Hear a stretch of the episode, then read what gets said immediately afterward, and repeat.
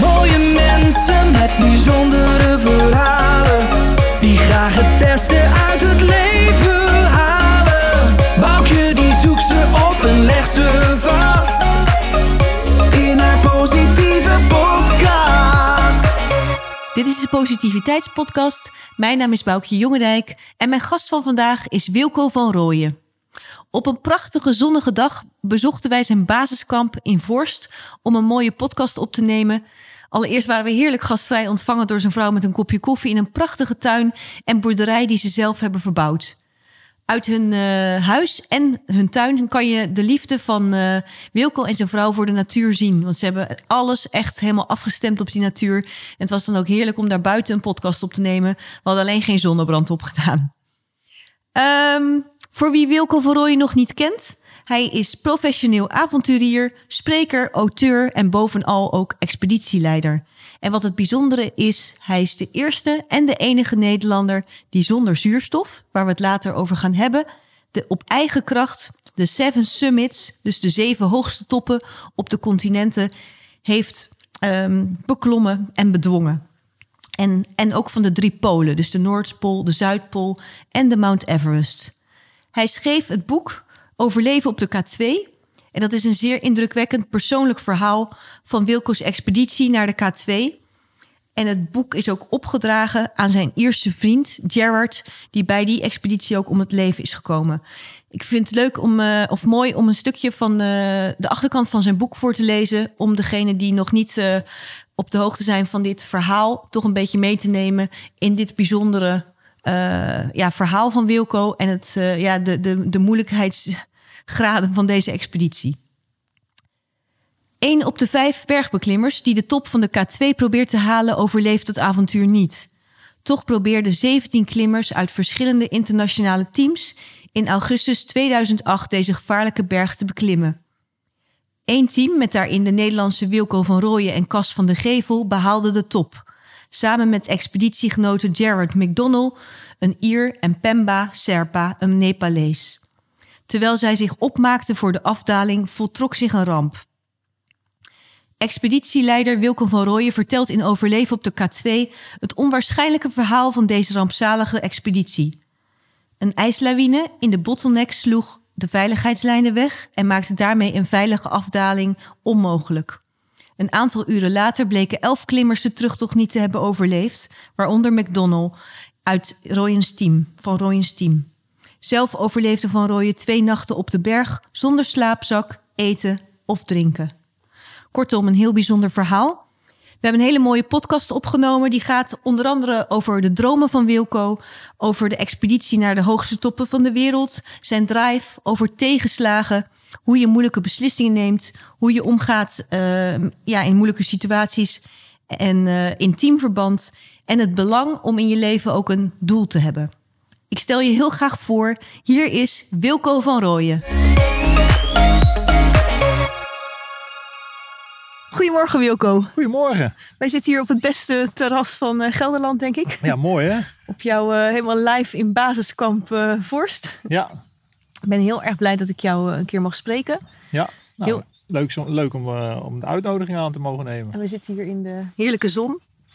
Um, heel aantal jaren geleden, toen werkte ik voor de Sluiskiltunnel. Oh ja. En toen zaten wij in de laatste fase van het project. En toen had ons team nog ja, een uitje en dan ook eigenlijk een soort uh, motivatieboost ja. uh, gekregen. En toen, toen ben jij komen spreken. Ja. Nou, dat had op mij heel veel indruk gemaakt. Omdat ik zelf ook heel erg van de berg hou. Maar ook jouw verhaal en topsport. En, dus ik, ja, ik ben nu anderhalf jaar met die podcast bezig. En ik, ja, ik hoopte heel erg dat het een keer ervan zou komen. Ja, en ik vind ja. het heel gaaf. Dus, ja, superleuk. Dat het, want het is een aantal jaren geleden. Ja, dat is best lang geleden. Ja, blijven want, hangen. Ja. hij is 2015 open gegaan. En ik denk dat wij zo'n anderhalf jaar voordat we echt tot de eindfase ja. hebben, we, hebben we jou uitgenodigd om een, een keer een lezing te geven. En hebben we allemaal jouw boek gehad. En ik, ja, ik heb het nu op de, voor de tweede keer weer gelezen. Ehm, nou even voor de mensen die Wilco nog niet kennen. Ik denk dat een heel aantal mensen je wel kennen. Maar goed, er zijn altijd meer die me niet kennen Ja. wel hoor. ja, het mooie is van, eh, jij hebt, eh, ja, je bent eigenlijk zag ik op je website nog staan avonturier. Hè? Dat klinkt heel cool. Ja. En jij zei ook ergens, dat zijn we allemaal. Ja. Als het, tenminste, dat hoop ik. Hè, van nieuwe Ja. ontdekkingen opdoen. En eh, ja, toch ook een stukje nieuwsgierigheid om te, nou ja, toch, te, toch te willen weten van ja, wat is er nog meer te halen. Ja, En in die zin, ja, ik, ik gebruik de bergen dan natuurlijk heel erg voor mijn eigen nou ja, nieuwsgierigheid en groei en eh, dat soort zaken. Maar ja, ik hoop dat iedereen op die manier eh, verwonderd blijft in het leven. ja. En misschien nog wel even, ja, toch wel leuk om jouw wapenfeit. Er zijn natuurlijk een heleboel eh, dingen die je als mens bijzonder maken. Maar jij bent wel als de eerste Nederlander zonder zuurstof. Heb jij de Seven Summits. Dus dat zijn de hoogste bergen in, de, in eigenlijk de zeven continenten die de Ja, wereld kent. Ja, ja En je hebt de twee of drie polen. Dat vond ik nog interessant. klopt. Want het is dan Noordpool en Zuidpool. Maar wordt nou de Mount Everest ook als een pool gezien? Ja, dat is dan de hoogste pool. Oké. eh, Weet je wel, dus de, de, de uiterste der aarde, zeg maar. Noordpool, Zuidpool en dan de hoogste pool. Maar ja, goed, dat heeft iemand ooit bedacht. En En want waarom noemen ze het pool dan? Ja, goede vraag. Ik heb geen idee. Het heeft een beetje mee te maken dat. ehm, ehm, ja, ze hebben het dan over de. Ja, 7 plus 3 eigenlijk. Hè? Ja. De 7 plus 3 is natuurlijk een mooi getal. Nou ja, en die, die derde dan hè, is, is dan dus inderdaad ja, de, de, de uiterste pool, zeg maar. Net als de Noordpool en de Zuidpool eigenlijk ook uiterste polen zijn. Ja. Zou je Mount Everest ook als een soort uiterste pool kunnen beschouwen. ja. Maar goed, nogmaals. En de hoogste berg. Ja. De hoogste berg van de wereld. Dus, dus ja, je kunt niet verder van de aarde afkomen, zeg maar, dan op de Noordpool, Zuidpool of nou ja, Oh, Mount zo- Everest. ja, hè? zo dus, zien ze eh, dat. dichter bij de hemel, zeg ik wel eens. Kun je niet Je komen. hebt hem bijna aan kunnen raken. Ja, ja, ja. En, eh, en, en het is ook zo best wel letterlijk zo. Hè? Want als je op de Mount Everest sta- staat en je kijkt omhoog, dan, dan is de lucht niet blauw zoals hier, maar bijna zwart. Ja? En dat heeft te maken Overdag? ja, dat heeft te maken met de UV, eh, wat natuurlijk Mhm. verandert. En je kijkt ook eigenlijk ja, in, in, ja, in, een- in een melkweg. Die, dat zie je ook s'nachts. Als je in je tentje ligt, dan, dan zie je een melkweg. Ja, dat kennen wij in Nederland niet door al die verstrooiingen van licht. Maar dan, ja, dan snap je ook wel dat er meerdere galaxies moeten zijn. En hoe klein wij als, ja, als mens ja, eigenlijk zijn als nietig wezentje. Dat voel je sowieso op een berg natuurlijk wel. Maar als je daar de lucht in kijkt, ja, dat, dat, dat, dat kun je niet met een sterrenhemel in Nederland vergel- vergelijken. Nee, dus eigenlijk helemaal, omdat het helemaal zuiver is zonder Helemaal enige zuiver verstoring van, van je licht. kunt of iets. zoveel zien aan, aan dat, dat, dat, dat, dat, zeg maar bepaalde gedeelten, ja, ligt er iets meer op. Die, die, dat is ja, helemaal wit van de, van de sterretjes, zeg maar zeggen. Mhm. Maar ook roze, rood, purple. Het, het, is, het, is, ja, het is wat je wel eens op, op, op die astronautenfoto's Ja. ziet, zeg maar. Hè? Van, die, van die hele... Ja, ik kan melkwegfoto's eigenlijk, maar Ja. die zie je daar gewoon en echt. Dus eigenlijk voelde je ook een beetje André Kuiper bovenop. Ja, eh, zeker, zeker. ja. Ik bedoel, eh, ik geloof ook echt dat we wel iets gemeenschappelijks hebben. Ik ken hem ook. En, en Mhm. ehm, ja, je weet je, op het moment dat je gaat realiseren hoe, hoe, hoe uniek die aarde is en hoe klein wij eigenlijk zijn, dan ga je hopelijk ook iets beter zorgen voor, de, voor, ja, voor die wereld die zo uniek is. Ja, En, en dat vergeten we wel eens als je hier gewoon ja, op de aarde ronddartelt. Dan denk je, nou ja, weet je, eh, hè, het is toch allemaal zoals het is. Maar het is allemaal vergankelijk, het is allemaal in beweging. Het is, er gebeuren enorme nou ja, eh, processen zijn er gaande. Mhm. En, en ja, op de tijdschaal zijn wij natuurlijk ook maar een paar seconden hier. Dus het zou ook zomaar over kunnen zijn. Mhm. Nou Ja. als je dat grote besef nou ja, realiseert, dan nogmaals, dan, ja, dan ga je hopelijk eh, iets, iets verantwoordelijker eh, nadenken over eh, nou ja, wat je aan het doen bent, hoe, hoe ook kort de tijd is. Ehm, en, en met name om uiteindelijk ja, je eigen geluk naar een soort hoger plan te krijgen. En je niet te laten vangen in regeltjes of, of dingen die wij mensen dan bedacht hebben. Ja. Eigenlijk ook pure vrijheid, denk ik, als Ja. je daarboven staat. Absoluut, absoluut. Eh, de- de- ja, het ultieme creëren, zeg maar. En, Ja. en, en, en een, ja, een muzikus of, of, of een schilder die doet dat met een doek of met noten. en ja, wij doen dat zeg maar ja, door het klimmen in de bergen. En, maar die, ik denk dat wat ons, ja, zeg maar, wat wij gemeenschappelijk hebben, is toch die, ja, dat je uiting wil geven aan je, ja, aan je vrijheid, aan je creatie. En dat hebben we allemaal. Alleen, ja, dat wordt zo snel afgeleerd op de basisschool, zeg ik wel eens. Ja. En hoe ben jij ehm, ja, bij die passie gekomen? Want Ja, Ja. ik kan me voorstellen, je had ook, wat je net zegt, ook, je had heel prachtig misschien eh viool kunnen gaan spelen. Ja, nou ja, of in de techniek. Mijn Of vader techniek. was techneut. En, Ja. eh, daar had ik ook wel iets mee. Daar heb ik steeds, nog steeds wel iets mee. Maar dat je hebt ook niet... een te- technische studie gedaan. Ja, ja. HTS techniek. En, en uiteindelijk nog even naar de universiteit ook geweest. Alleen op een gegeven moment begon ik wel steeds meer door te krijgen dat ik toch ja, anders was dan de rest, om het zo maar te Mhm. zeggen. Wat in het begin ook best lastig was, want dan denk je toch van wat moet het met mijn toekomst worden, weet je, als je Mhm. anders bent dan de rest. Ehm, dan ga je toch twijfelen. Maar Ja, merkte je dat als kleine jongen al? Of, nee, of niet als kleine later? jongen. Pas later op school, zeg maar. Want ik zag natuurlijk die studenten rond, om mij heen. Die zaten bij wijze van spreken in het weekend te programmeren. En ja, ik was heel met hele andere dingen bezig. Dus ik liep wel een bepaalde achterstand op, om het zo maar te zeggen. En dan, dacht, dan denk je toch, heb ik nou de verkeerde studie gekozen? Maar Ja. ik vond tech- techniek toch leuk. En ik vind het ook leuk. Alleen als je er heel goed in wil worden, dan moet je er ook heel veel tijd mee in, in steken. En dus Mhm. ook in het weekend daarmee bezig zijn. Nou, dat had ik niet. Ik was heel duidelijk met andere eigenlijk met dingen alles, hè? Als je gewoon ergens heel goed in wordt. Absoluut, Ja. absoluut. Ja, ze zeggen wel eens als je 10.000 uur ergens insteekt, hè, dan kun je een soort van specialisme ontwikkelen. Ja, die 10.000 uur die, die, die stak ik in het bergbeklimmen. Alleen daarvan zei mij, men natuurlijk, ja, maar daar kun je niet van leven en dat kan niet in Nederland. Nee, en toen was je natuurlijk al wel een student. Maar Ja. waar, is dat, da- waar is dat puntje begonnen? Ging je Nou met je ouders of kende je het uit boeken? Of, Nee, eh, ik, ik heb het geluk gehad, zeg ik wel eens. En daar ben ik mijn ouders nog enorm dankbaar voor. Met name voor mijn vader ook, die uiteindelijk weer veel te vroeg overleden zijn. ja. Ehm, maar ehm, ja, die, mijn vader werkte hard het hele jaar. Mhm. Was semi-overheid. eh, had vier weken vakantie per jaar. En die vier weken spendeerden we altijd in, nou ja, meestal Zwitserland. Oké, en waar Ja. was je in Zwitserland? Eh, ja, alle gebieden zijn we geweest. We gingen elk jaar naar een ander gebied toe, zeg Ja. maar. En Eh, ken je Davos en dat gebied? En, Ja, ja, zeker, Jochvrouw zeker. Joch en, eh, ja, met, we begonnen met Berne Oberland. Dat lag natuurlijk dichter Ja. bij Nederland. Nou, daar heb je wat minder weer over het algemeen. Dus nou, op een gegeven moment gingen we naar Wallis. En, Ja, nou zo gingen we naar. Italië. En- Ja. Dus dat, dat was, en ik had twee zussen en ja, die moesten er eigenlijk niet zoveel van hebben. En ja, vraag me niet waarom, maar ja, ik, ik, eh, ik, ik groeide daardoor op de een of andere manier en ik, ik vond het fantastisch. En ja, toen nog allemaal geen internet. En je ging met het hele gezin ging je eigenlijk wandelen Ja. in, in eigenlijk de laag, lage Ja, bergte. hè? Ik bedoel, klopt. eh, ja. ja. En, en, en, maar ik, hey, ik zeg, we hadden geen internet, dus ik, ik wist, ik kon toen ook niet zo aan de informatie komen. Maar wat je dan deed, was als je in een stadje liep, hè, zeker in dat soort berggebieden, dan zie je nog sneller wel bergboeken liggen. Ja. Ja, daar was ik altijd door gefascineerd. En dan kwam je die tijd natuurlijk al heel snel op Reinhold Messner uit. En, en ja, daar, daar man, dat, dat vond ik, dat, en, en knopen, weet je, dan had mijn vader op een gegeven moment zo'n boekje gekocht. En Ja. ging ik knopen zitten oefenen, dus als ik 's ochtends vroeg wakker Waarschijnlijk had je ook een zakmes. Ja, ja, ja, Ja. nou ja, weet je, dus ja, en, en nooit durven dromen dat ik, weet je, als Nederlander dan ja, mogelijk ooit de hoogste berg van de wereld zou Nee, want dat, dat vind ik dus heel fascinerend. Wat jij vertelt, dat geluk heb ik ook. Ik ben ook met mijn ouders, vanaf kleins af aan zijn we die bergen ingegaan. Ja. Dat ging van Zuid-Duitsland naar... Ja. We gingen niet per se steeds hoger of zo, maar Nee, we nee. gingen wel... En eigenlijk probeerden wij dat met de eigen kinderen ook, eh, omdat we het allemaal heel erg leuk vinden. En dan ben ik benieuwd van, ik was ook geïnteresseerd in, in eh, Mhm. nou, ik was jaloers toen mijn broertje een zakmes kreeg en ik een flesje parfum bij wijze van spreken.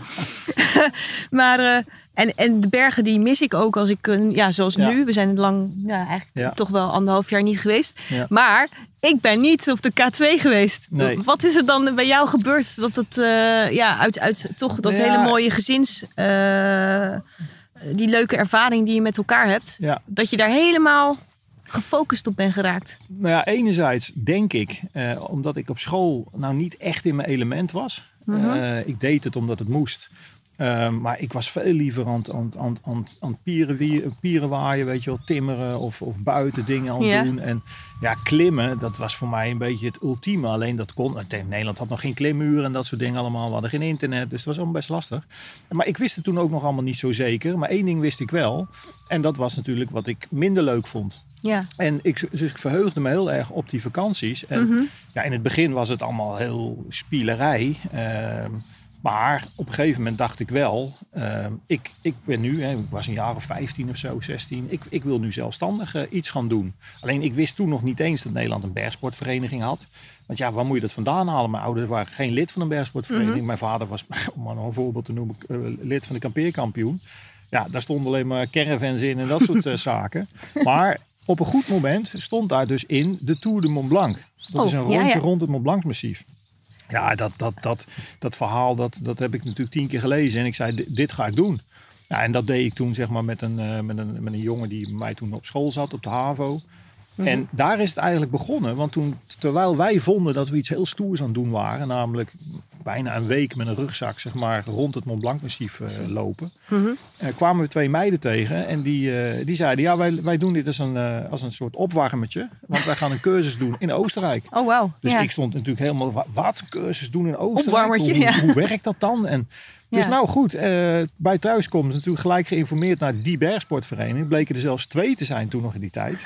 ik, ik kan me nog zo voor me halen. Hè. Toen vroeger had je nog een telefoon die aan de muur hing. En dan stond ik daar echt nou ja, op zoek naar informatie. Maar goed, en nou ja, uiteindelijk ben ik toen voor het eerst aangemeld voor een beginnerscursus. Ja, en toen was ik helemaal helemaal, eh, helemaal los. weg, want ja. ik, ik, ik voor alles, dat snoof ik op. En, en, en weet je wel, die knopen. want Je, je, krijgt dan een cursus. Maar als je naar huis gaat en je doet er niks meer mee, dan, dan verlies je het ook allemaal weer. Ja. En, maar ik ging ermee naar huis. En als ik in de trein zat, of, of dan zat ik met mijn koordje van mijn jas, zat ik die knopen bij van ik weet, Ja. te oefenen. Nou ja, goed. En uiteindelijk ben ik eh, door die cursussen heen gerold. Dus beginnerscursus, gevorderde cursus. Nou ja, En dat kon je ook grotendeels nog in Nederland. En dan ging je in de vakantie, zeg maar, dat, ging met de naar een kamp of zo. Ja, ging met de bergbus. Dat Ja. was vreselijk. Maar ging je, weet ik veel hoeveel uren naar Oostenrijk. Stapte je ergens uit. En dan ging Mhm. je naar een hut toe. En dan had je wel in Nederland vaak een voorbespreking gehad. Dus je had één keer elkaar gezien. En als je geluk had, had je nog één keer in de Belgische Ardennen eh, met elkaar geklommen. Mhm. En ja, zo kwam je eigenlijk in een soort nieuw wereldje terecht. Van allemaal gelijkgestemden. Die Ja. dus allemaal gek waren van bergsport. Ja, dat was natuurlijk En- heerlijk. Ja. Ja. dat was fantastisch. Ja. En ik weet nog dat in het begin van die, die cursus had ik natuurlijk nog geen echt klimmaatje. Mhm. Dus dan schreef ik nog ouderwetse brieven met een jongen uit Groningen. Die ik dan het hele jaar niet zag. maar ik wist wel, ja, maar dat is mijn vriendje die ook naar de bergen wil, weet je. ja. Nou goed, en uiteindelijk is dat weer verwaterd. Maar op een gegeven moment le- leer je natuurlijk weer nieuwe mannen kennen. Of jongens of meisjes of meiden. En uiteindelijk ehm, heb ik toen een klimvriend eh, leren kennen. En daarmee ben ik ja, zeg maar mijn eerste ja, routes ook buiten het seizoen gaan klimmen. Wat natuurlijk weer een soort gradatie hoger Ja. is. Hè? Want iedereen klimt bij wijze van spreken in de zomer. Maar in de winter, oh, dat vonden we wel heel stoer. Nou Ja. goed. En van Lief Allee ben ik uiteindelijk nou ja, Cas van de Gevel tegengekomen tijdens Ja. een eh, opleiding, zeg maar. Dat is echt jouw maatje. Die, die lees ik ook in, eh, Ja. in jouw ja, boek. Ja, dat is echt mijn. eh. Ik kom er net weer vandaan, ben net weer bij hem geweest. Hij woont ergens in de, in de bergen in Spanje. Oh, lekker, ja. En ja, dat, ik weet niet hoe ik dat moet beschrijven, maar dat, dat, dat is zo uniek geweest. Want dat je dan zo iemand tegenkomt. Want ik zeg wel eens op, op straatniveau, in de stad zou ik me voorbij gelopen zijn. Hè, want je beoordeelt toch iemand snel op uiterlijk. Mhm. en, en maar wij hadden gewoon in de bergen hadden we gewoon een ongelofelijke klik. Ja, en wat ik heel bijzonder vond, ik hoorde ergens in een van, de, of ik heb het gelezen van jou, ergens dat je zei van die vrienden in die bergen, dat zijn niet per se de vrienden waarmee ik naar de kroeg ga. Of, Nee, en eh, ik had het laatst in een andere podcast met iemand over vriendschap, een filosoof over vriendschap. En die zei ook, ja, je hebt verschillende soorten vriendschappen. En eigenlijk heb jij een soort, ja, ook ja, die maatjes uit de bergen zijn dan weer anders dan dat je ze thuis Zeker. gewoon eh, Ja, bij de. Die, die, ja. die, die kast dan, die, die, toen hij nog in Rotterdam woonde, die, die zag ik normaal nooit. Maar, ja, je hoeft ook niet naar elkaars verjaardag of Nee, iets. eh, niks. Van, het was En gewoon goed. Het ja. was goed. En, en, maar wel, we hadden zo'n commitment voor die bergen. Dus als we elkaar belden, en dat was toch regelmatig, ook buiten seizoen. Van spreken nog voor kerstmis. En dan, eh hey, eh, zie het zitten, dit en dat. En we hadden nog geen goede weerberichten toen ook. Hè? Nee. Ja, en dan reden we gewoon in ons autootje reden we naar de Alpen. En, en, en, en probeerden we gewoon een beklimming eruit Ja. te slepen. En we zijn vaak genoeg met lege handen teruggekomen. Maar dat gaf ons, ik, als ik het vertel, krijg ik gewoon weer kippenvel. Ja. Want dat, dat, dat waren voor ons de momenten. Want moet je je voorstellen dat ik dan maandag weer naar de collegebanken ging. En dan zat ik daar met, met verbrande lippen, weet je wel. En dan zei die wiskunde. heb je gedaan? Die zei, nou, ik zie weer één ding aan voor je verrooien. Je bent weer niet met wiskunde bezig geweest. En dan dacht Goed ik gezien, alleen meneer. maar van, nee, Ja. dat klopt. Maar ik dacht toen nog steeds van, ja, maar dit is wel mijn toekomst, weet je wel. Ik kan van dat klimmen. Dat, Nou, ik vind het ook wel mooi dat je dat hebt afgerond. Want eh, het is best wel lastig om dan wel weer terug te gaan en dan nuchter te blijven. En eh, nou ja, je had ook daar in die bergen kunnen gaan zwerven. Klopt, nee, dat klopt. En, maar dat was wel, dat was echt ja, op het scherpst van de sche- sche- schede hoor. Want Cas bijvoorbeeld, dat is gewoon een totaal andere figuur. En die zei bijvoorbeeld tegen mij, ik ben gereformeerd opgegroeid. Hè, dus verantwoordelijkheid en eh, zorgen voor later en weet ik het allemaal.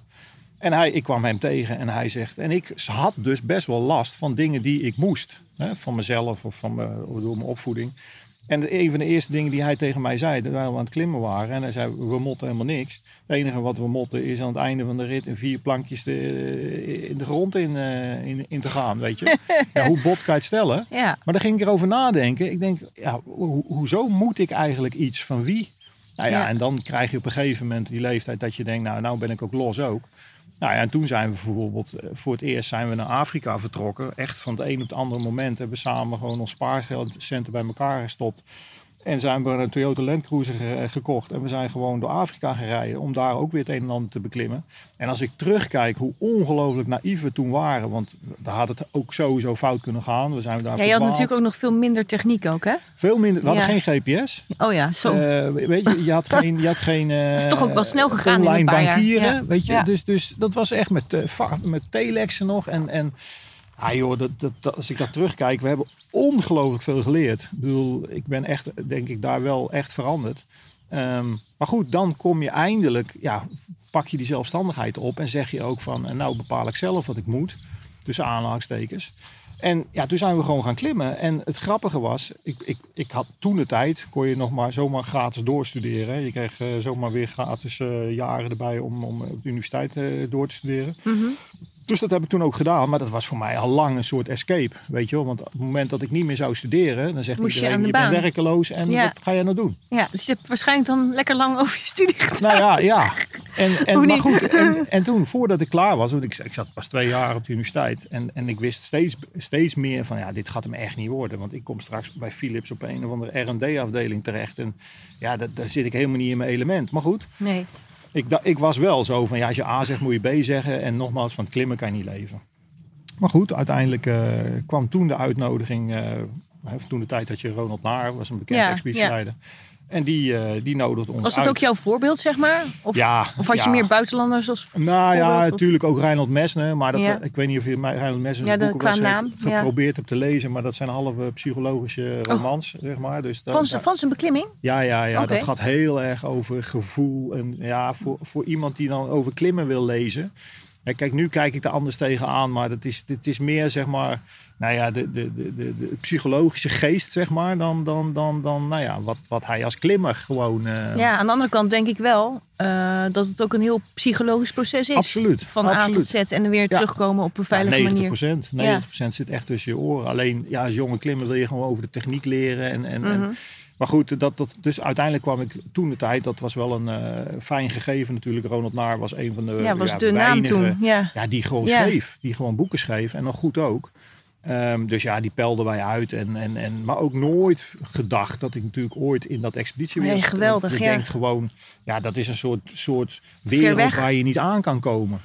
Maar goed, uiteindelijk door ons klimmen en, en ook door ons... Ja, uiteindelijk hebben we onszelf ook wel een keertje bij hem eh, nou ja, op de stoep gepresenteerd. Voor een andere expeditie was dat toen. Maar dat is ook wel wat ik mooie eraan vind van... eh, dat is dan ook wat maakt dat je uiteindelijk er wel komt. Ja. Je, je gaat volledig Ja. gefocust op dat ene ding. Maar je pakt uiteindelijk ook wel de stoute schoenen trek je aan... om, Ja. Om jouw inspiratiebron Zeker. te benaderen. Ja. Anders gebeurt er ook niks. Nee, klopt. Want, want ik weet nog goed dat, dat zeg maar... dat, eh, 1992 of zo organiseerde hij een expeditie naar Mount Everest. En dat was gewoon een commerciële expeditie. En daar vroeg hij echt heel serieus geld voor. Dat was er ook voor nodig. Maar wij hadden dat geld natuurlijk helemaal niet. Maar wij droomden er wel van. Maar commerciële expeditie, hoe moet ik dat zien? Nou ja, dat is gewoon een, een- van wil je mee. Maar dan moet je toch eh, wel capabel zijn? Ja, Dus, eh, dat, dat, ja, dat wel. Maar Mount Everest is technisch nou Nee. niet het allerhoogste. En, en je hebt Sherpa's en, en zuurstof. En, Ja. Maar wij wilden natuurlijk gewoon, eh, zoals, zoals we in de Alpen klommen, wilden wij de Mount Everest klimmen. Maar nogmaals, we hadden helemaal het geld niet. Ja. Maar dat was wel de eerste keer dat wij natuurlijk zo brutaal waren om te zeggen van wij willen ook wel mee. Uiteindelijk dropen we natuurlijk af toen we hoorden wat het allemaal moest gaan kosten. Maar toen had hij natuurlijk wel... Want je moest zelf dan geld meebrengen Ja, ja, ja. In, dat soort, in dat soort ja, klim-expedities. ja, ja, dat was 40.000 gulden toen nog. Zo. Dus eh, afhankelijk van met of zonder zuurstof dan. Maar goed, ja, wij hadden, we hadden het geld natuurlijk niet. Dus eh, we hebben geprobeerd om eh, bedrijven wat, wat sponsoring los te krijgen. Maar ook dat was natuurlijk, daar hadden we helemaal geen kaas van gegeten. Maar goed, hij had ons leren kennen. En twee jaar later of zo deed hij een oproep in de krant dat hij naar de K2 wilde. En dat hij jonge honden zocht. Ja, toen zijn we natuurlijk weer op audiëntie gegaan. zo voelde dat. Nou ja, en toen, toen, toen had hij ook wel gezien wat wij inmiddels allemaal geklommen hadden. Want Cas geeft daarover toen de tijd. En het waren beklimmingen waar hij zich, weer- zichzelf weer in herkende. Dus hij zag natuurlijk van, hé, hey, dit, dit, dit, dit, is wel wat het ik vroeger ook heb wat- gedaan. Ja. Ja en, ja, en daarbij is het balletje echt gaan rollen. Want ik zal nooit vergeten, dat was wel een soort van turning point. Dat, Ja. dat hij, ik had toen volgens mij nog niet eens een auto. Hij had zo'n Deux Chevaux-kas. En we reden zeg maar eh, nou ja, naar Den Haag toe. En we kwamen daar binnen. We hadden die, dat, dat gesprek gehad. En op een goed moment zegt Ronald, nou jullie gaan mee. Nou, ik, ik krijg er Ja. nog kippenvel van, want we reden terug in het autootje. En jongen, onze moesten het onze ouders nog gaan vertellen. En die reageerden natuurlijk van, wat, ben je helemaal gek geworden? Die Ronald naar, die loopt over lijken. En eh, weet je al, al die negatieve. Ja, heel Dus- gevaarlijk. ja. Ja, en, eh, maar ja, we waren inmiddels volwassen. Dus ja, we bepaalden zelf wat we deden. En- Hoe oud en- was je toen? Hij was ik 24. Oh ja. Nou ja, goed. En toen, ehm, ja, daar is het echt Gaaf, begonnen. Want, ja, dat, dat was echt dat wij allebei dachten van, ja, weet je wel, het is de dood of de gladiolen. Weet je wel, we gaan gewoon tot het gaatje. dat vind ik ook bijzonder. Van dan ben je 24. En eigenlijk zeg je, het is dit of niks, zeg maar even. hè? Even Ja. heel zwart-wit. Wat, wat bracht het je nou steeds?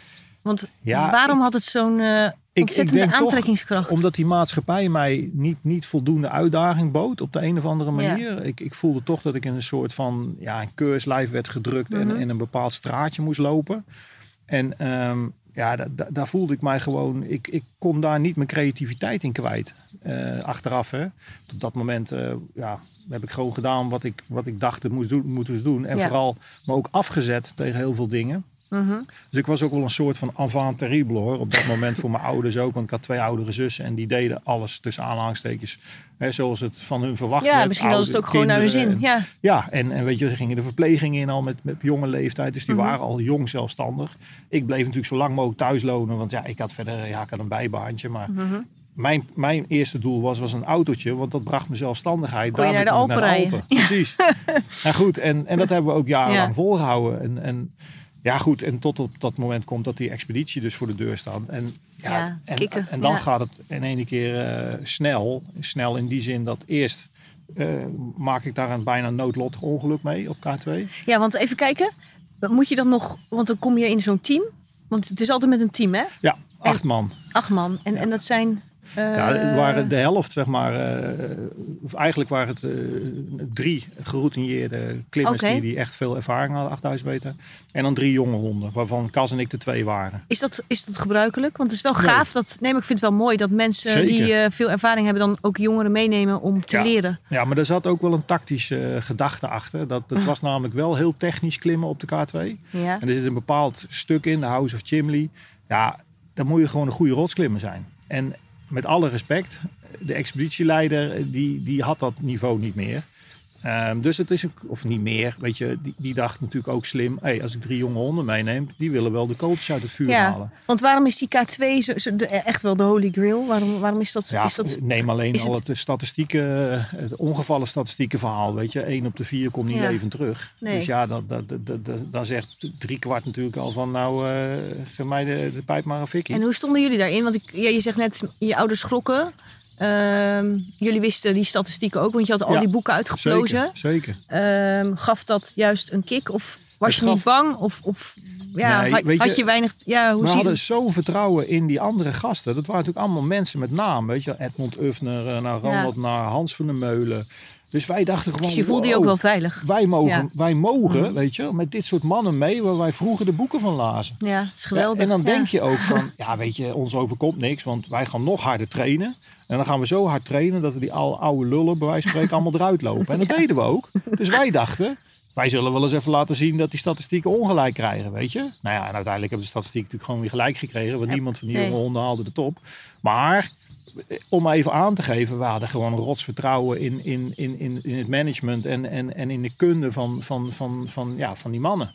En ik denk ook wel dat vertrouwen, als je überhaupt met z'n allen naar zoiets eh Ja, toe gaat leven, kan toch niet 100%. zonder vertrouwen? Nee, nee, we hadden ook een uitgebreide voorbereiding hoor. Dus we hadden in de Franse Alpen eh, daar hadden we het een en ander gedaan. En dan daar kom je al, als je dan, nou ja, ook al ben je geselecteerd op papier, dan kom je daar in de praktijk al niet doorheen. Nou, ik kan me voorstellen dat je dan ook elkaar beter leert kennen en Ja. dat het ook op andere gronden, niet, niet eens fysiek, maar de, ja.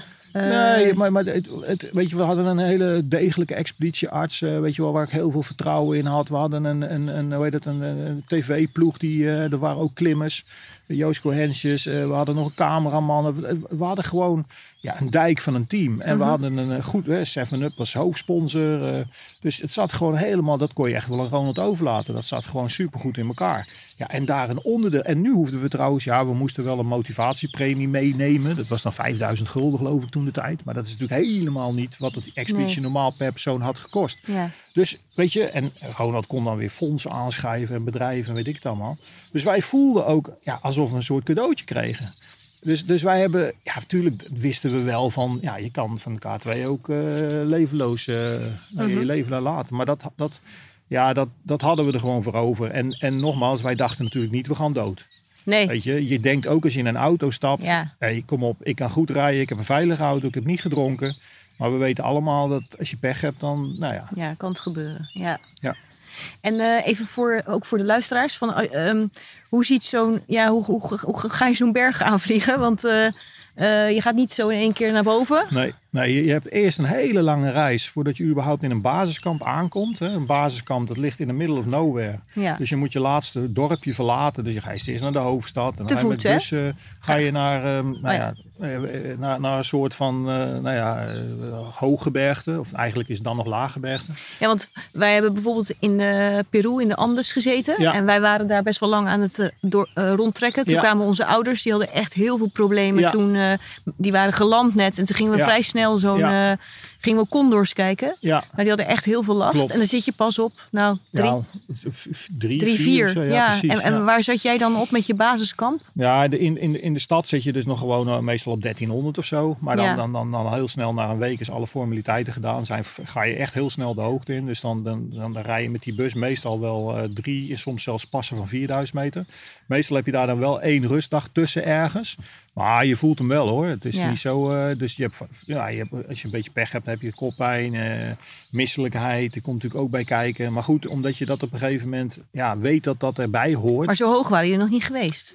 Eh, we waren in, in, in, om eh, eigenlijk hoogte nou ja, op te bouwen, ervaring. Had Ronald nou toen wel gezien, gezegd van ja jongens, jullie zijn alleen maar in de Alpen geweest. Het zou goed zijn als jullie een keertje naar die Himalaya gaan. Toen Oh ja. zijn we in de winter hebben wij een 6000 geklommen. Oh ja. En dat ging wel, maar dat was met z'n tweeën. Zonder Eh, al die artsen. Zonder alle en, artsen, met twee Ook dragertjes best op de heen. ja. Dat was een, was een pittige expeditie. En toen. Dachten we nog van, jezus, als dit al 6000 meter is. Ja. Hoe doe je dan in godsnaam ooit...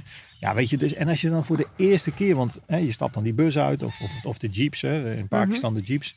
En dan ga je lopen. Ja, elke dag is gewoon een, een avontuur. Want je denkt, het is niet een wandel- wandelingetje van twee uur. Je bent gewoon vijf, zes uur aan het lopen. En dat is pas dag één van een, zeven, van een hele week lopen.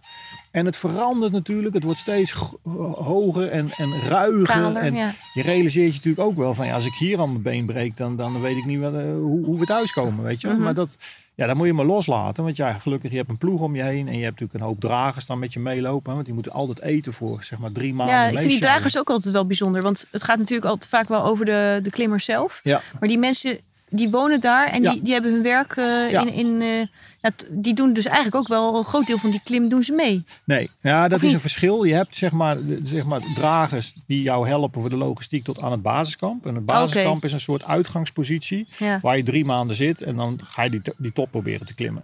En dat doe je dus, wat je net ook al zei, niet in één keer. Want je moet acclimatiseren, heet dat. Dus je Mhm. gaat eerst eens kamp 1 opbouwen.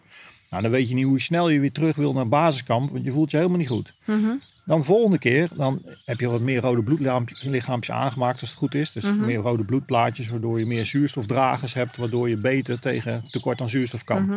Dan ga je kamp 1, nou, dan ga je eens een voorzichtig uitstapje maken naar kamp 2. Dan weet je weer niet hoe snel je terug moet komen, want je doet geen oog dicht. Kamp Oh. 1 duurt ongeveer een week. Hè, want je moet ook je touwen erheen, je slaapzakken. Je moet de bevoorrading voor de hogere kampen daar naartoe krijgen. Kamp 2, dat doe je ongeveer twee weken over. Zo.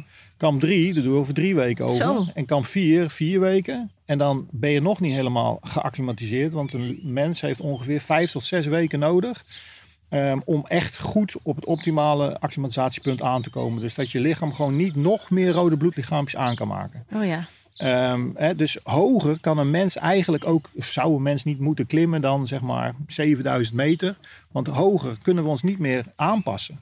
Dus die 8000 meter, dat noemen we ook de zone des doods. Ja. Dat is gewoon een zone waar geen mens overleeft. Nee, want eh, begrijp ik nou goed dat je lichaam dan gaat afbreken of zo? Ja. Of, of Ja. wat gebeurt er dan? Nou, je lichaam heeft, energie nodig. Ja. Alleen, zeg maar, maag, eh, om, om zeg maar, voedsel te verteren, daar heb je zuurstof voor nodig. Ja. Het zuurstof is er eigenlijk niet, niet meer. nee. Dus wat doet je lichaam heel slim? Die denkt, dan pak ik de reserves niet meer van de koolhydraten, want die zijn er niet meer. ik, ik ga gewoon zijn spieren, Mhm. Spieren. opeten. Ach, Dus, dus Ja, het mes ja. snijdt eigenlijk aan twee kanten. Dat, dat één, zeg maar, door de hoogte waar uiteindelijk zuurstof is. En ten tweede, elke keer dat je zo hoog klimt, ja, vreet je als het ware je eigen lichaam op. Dus vandaar ook dat je niet kunt zeggen, we gaan er naartoe. Dan gaan we net zo lang door tot we op de top staan. nee. Want je, je, je, je breekt gewoon je lijf af. Ja. Dus het is heel fragiel evenwicht. Want na vijf, zeg maar, vijf tot zeven weken ben je optimaal geacclimatiseerd. Maar na zeven weken kan je eigenlijk niet meer presteren. Nee, en, en dan, dan ben je dus ook heel erg afhankelijk van... eh, zijn de weersomstandigheden oké? En, en eh, is er genoeg licht? En, eh, Absoluut, ja. ik- maanstand of zoiets? alles, ja. alles speelt mee. En dan ook nog, dat je moet niet denken dat wij twee gelijke mensen zijn. Iedereen is Nee, uniek. het zal bij Dus iedereen de net een beetje anders gaan. sneller dan de ander. Ja. De ene zegt, nee, ik moet er echt nu niet aan denken. Maar je Of moet wel bij elkaar blijven in zit- principe. ja, dus je maakt een soort topteam voor een topaanval. En ga er maar vanuit dat de helft van dat topteam gewoon af, afbrandt van Ja. En dan hou je de helft over. En van die helft hoop je dan, nou, één, twee man op de top te krijgen. Dan, dan doe je het al heel goed. En dan vraag ik me af, hè, dan is dit al eh, gewoon, als je het zo dit bekijkt, zit je echt in de meest extreme omstandigheden, zeg maar even. Waarom kiezen jullie dan voor zonder zuurstof? Ja, dat, dat is, in het begin was dat puur een sportieve ding. Ja. Ik, ik bedoel, als mens hoor je niet kunstmatige hulpmiddelen te Maar gebruiken. dan was, het, was dat een ideaal? Of, ja, of, eh, dat- ik vond het een soort gewoon- vorm van doping. Weet je, ik bedoel, Jochem Uithagen ging ook niet met een zuurstofflesje in Calgary Nee. schaatsen toen de tijd. Ja, en, en ik had van Hans van der Meulen, dat is echt een, in mijn ogen een atleet puur zang. Ehm, en dat was gewoon, ja, die, die zei ook, weet je wel, eh, zuurstof, dat, dat is gewoon, ja, dat, dat, A, je bedondert jezelf. Maar erger nog, en dat ben ik me later pas veel meer realiseren, je fopt je lichaam ook. Want je vertelt je lichaam eigenlijk, die berg is niet zo hoog. Oh ja. En als er dan iets misgaat, ja, dan ben je gewoon gezien. Want je kunt niks meer uithalen. Nee. Want je lichaam, eh, op het moment dat je zuurstoffles hapert of hij is ja, je leeg. bent totaal afhankelijk van techniek, of van, Ja. van die stof, ja, van die en dan zuurstof. denk je nog van, nou, met techniek kun je toch zo dusdanig bouwen dat dat nooit kapot gaat. No way. Elk jaar overlijden er, wat mij betreft, veel te veel mensen door het klimmen met kunstmatige zuurstof, wat uiteindelijk hapert. Ja, want ik, ik, ik, heb je ergens horen zeggen van het is eigenlijk zonder zuurstof veilig. Ja, dat is mijn. Maar Ja. dat is mijn kijk, als jij zonder zuurstof klimt, dan geeft je lichaam exact aan dat je je niet meer lekker voelt. Ja, en dan ga je echt wel omdraaien. Ja, dan ga je terug. Maar wat doe je met zuurstof? Dan geef je je eigenlijk, pep je jezelf op. Hè, ik zeg wel eens Ja. mensen in moeilijke situaties, of je nou eh, eh, eh, eh, een moeilijke zwangerschap hebt, hè, als je, als je een kind moet baren, krijg je extra zuurstof. Piloten in F-16, als die op een vliegtuigschep moeten landen, krijgen ze 100% zuurstof. Allemaal Ja. om dat lichaam gewoon een betere prestatie te laten leveren. Ja, als je dat dan van tevoren al gaat doen. En er gaat dan iets mis, ook in de logistiek. Of, of omdat je er zit een soort kraan op, dat je jezelf 2, 3, 4 liter per minuut kan geven. En nogal wie dus als je hem op 4 zet, dat je je lekkerder voelt. Ja. Maar dat kan je heel even doen in een hele moeilijke passage. Maar als je hem daarna niet terugzet, of, of je zet hem s'nachts te hoog, of dan, dan een fles heeft 300 liter. Dat gaat echt niet heel lang mee. Nee, dus eigenlijk zeg je van als er iets gebeurt, dan ben je op, je bent gewoon op jezelf. Je, je hebt je eigen instrument bij je. Dat ben je zelf, je ademhaling en eh, Ja. alles. En je, je krijgt eigenlijk Nou, een en signaal nou, nou op je lichaam. nou noem je wat, je ademhaling. Ik denk dat heel veel klimmers nog nooit stil hebben gestaan bij een ademhaling. Weet je, en dat ben ik ook later pas gaan ontdekken. Maar dat, daarop, daarop moet je eigenlijk nou ja, navigeren. ja. En ja, weet je, je kunt, je, je kunt mentaal kun jij gewoon jezelf over de rooien jagen en dan kom je niet terug. Want dan word je gewoon niet wakker. En, en dan denk ik, ja, dan kan je zeggen het is een ongeluk.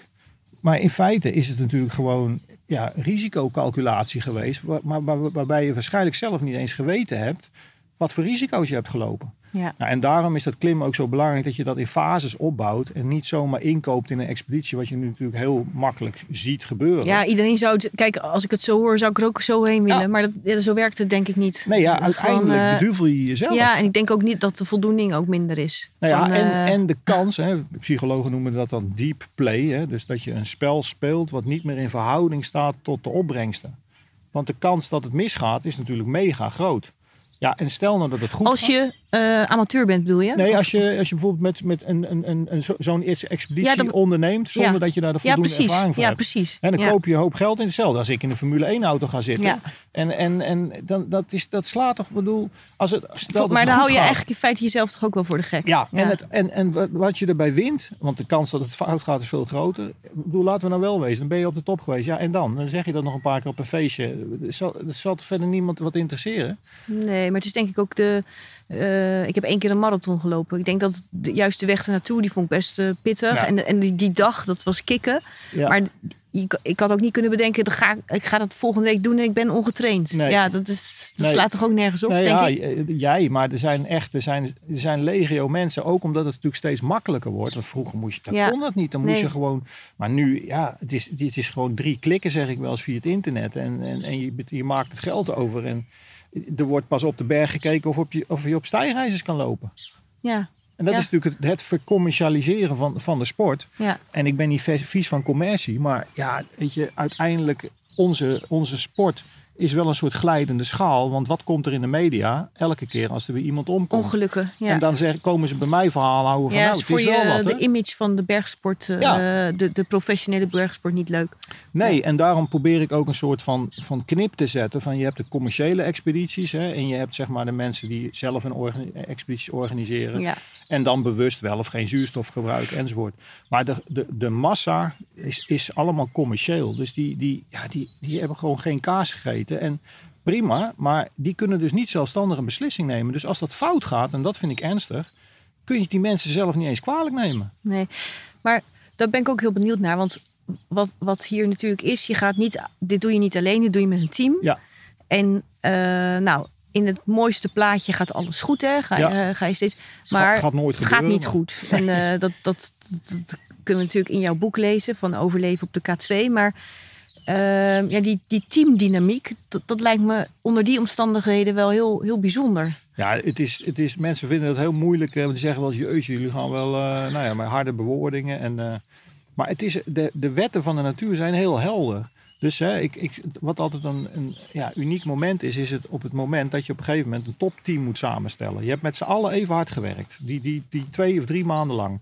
En dan op een gegeven moment dan krijg je een, een bepaald weerwindow in beeld, hè, waarop het dus zeg maar nou ja, mogelijk is om naar die top te klimmen. Want je moet niet denken, zoals in Alpen, dat als de zon schijnt, dat je elke dag maar naar de top kan. Want als de wind te hard waait, dan kan de zon schijnen, maar dan word je alsnog eens een pluisje van die bergen waait. Dus op het moment dat je dan een weerwindow krijgt, hè, samen met je meteoroloog zoek je dat uit. En ben je dan gewoon in Nederland en dan hoor je ineens, nee, nee, nee, nee, nee. Dan ben je al daar. Dan zit je daar. Ja, ja. Dan moet je- dus je moet van tevoren, dat is het lastige, eerst al die kampen aanbrengen, Ja. acclimatiseren. Mhm. En dan ga je terug naar het basiskamp. En dan zeg je zo, nou hebben we al het werk gedaan. Het, kamp, het laatste kamp staat op zijn plek. Ehm, en dan is het, als het goede, goede weer eraan komt. En dat, je kan ook pech hebben dat het er helemaal niet aankomt. Maar Mount Everest bijvoorbeeld elk jaar goed weerwindow. Mhm. K2 niet. K2 wordt jarenlang gewoon niet beklommen. Mhm. Maar als dat dan komt, dan moet je er klaar voor zijn. Maar dan moet je natuurlijk daarvoor wel met elkaar bepalen wie gaat, Wie gaat naar de top. Ja. En dan zeggen mensen, ja, maar je gaat toch met z'n allen naar de top? Ja. Nee, want we hebben de logistiek niet eh, zo, dusdanig op orde dat we daar bij wijze van spreken drie tenten in het laatste kamp hebben staan. Hè, dat is zo ontzettend zwaar. Ja, het is geen tent- camping Het is boven. geen camping. Dus, dus, dus je zegt al van tevoren, we weten dat minimaal de helft van het team gaat afvallen. En, en, en- en ik kan me dan voorstellen dat je dus op de grond, zeg maar, even op zeeniveau, dat je dat heel goed met elkaar allemaal, al, allemaal doorakkert. Want anders, Klopt. mensen weten dus ook, ik kan afvallen. Zeker, en, en, zeker. en als je eenmaal daar wel in zit, dan ben je committed. Ja. Maar wat ik heel apart, tenminste apart vind, wat, me- wat me moeilijk lijkt, is er komen situaties voor, wat bij jou ook gebeurde, dat je op een gegeven moment, volgens mij werd jij bijna sneeuwblind en, Ja. en, en moest jij naar beneden of zoiets, Ja, als ik het goed Ja, heb begrepen. Dan moet je dus ineens zeggen, dag team, ja. ik ga naar beneden. Ja. En dan, want dan ga je dus ineens alleen. Ja. Die beslissingen, hoe, hoe, ja, waar, waar ligt dan die, dat, dat kantelpunt? Ja, nou, kijk, je, je hebt twee situaties eigenlijk. Je hebt hè, de situatie waarin je altijd in control wil zijn. Hè? Ja. En dat is op, zeg maar, rond ons huis altijd. En dat is op die berg, zola- zolang je zeg maar, de, de, de, kampand neer... dan probeer je met een radio altijd alles goed te regelen. Ja. Maar op het moment dat je zegt, en nu gaan we naar de top. Het topteam is samengesteld. Dus je hebt die moeilijke gesprekken al gehad. Hè, die afgevallen zijn. En Ja. overigens, ik kan ook afvallen. Ja. Dat weet je dus niet van tevoren. Want als ik Nee. te hard werk, dan, ben ik, dan heb ik mezelf over de kop gewerkt. Ja, ben je heb ik me heel goed laten zien binnen het team. Ja, maar, Maar ben je, ik, ben ik voor de, voor de snot voor de ogen niet meer waard. En dat zien mijn collega's ook. Hè? Dus die zeggen, Wilco, jij gaat niet naar de top. En, de rest, en dat kan je dat dan ook makkelijk accepteren? Nee, maar uiteindelijk Maar wie, bepaalt wie het team. bepaalt oh, met Ja, elkaar? Team, het team. Ik bedoel, ik kan wel expeditieleider zijn, maar als ik zeg mijn vriendje moet mee naar de top en de rest zegt ja, maar die gozer heeft heb, heb, heb nog geen een deuk in een bakje boter geschopt de afgelopen drie maanden. Mhm. dan, kan ik, dan kan ik niet zeggen, hij- maar hij gaat toch mee. Ja. Dus uiteindelijk is dat een soort van organisch proces, maar wel met harde, eh, ja, harde Ook gesprekken. gewoon maar eerlijke, harde... Hele eerlijke Ja. gesprekken. Want we hebben er niks aan als iemand op een gegeven moment halverwege de top door zijn knieën zakt. Want dan verwacht je namelijk wel dat iemand zijn toppoging staakt. Dan hebben we drie maanden geïnvesteerd. Ja, dat is een hele lastige. Dus we zeggen ook, als we dan gaan en we hebben wel overwogen gezegd, dit is het topteam. Dan ga je naar de top. Iedereen loopt zijn eigen tempo. Daar waar we kunnen helpen, neem je, nou ja, neem je, doe je de hulp. Maar op het moment dat iemand besluit, jongens, ik ga terug. Dan moet je zelfstandig genoeg zijn en ook genoeg energie hebben nog om zelfstandig terug te kunnen gaan naar het laatste kamp. Ja. En natuurlijk hoop je dat er, hè, dat er backup is, maar je mag er niet van uitgaan. En natuurlijk mag je een beroep op mij doen. Hè, en ik ben altijd zelf ook nog dan, ja, zeg maar, mens om te zeggen, nou, fuck die top, ik ga met jou mee terug. Ja. dat heb ik bijvoorbeeld eh, in 2018 gedaan bij, met, met, Ka- met Cas tijdens de toppoging. Dat was een super moeilijke beslissing. Ik, heb, ik ben er weken mee bezig geweest. Maar in mijn hoofd Maar wacht even, weken, daar had je de tijd niet voor. Nee, daar, later. daar op die Ik berg. heb die beslissing genomen met hem Want terug volgens mij moet je, dat is denk ik ook wel, je moet heel resoluut direct beslissen Klopt. daarbovenop. En niet meer op terugkomen. Nee. En, nee, want Ja. dat vond ik ook best wel een lastige.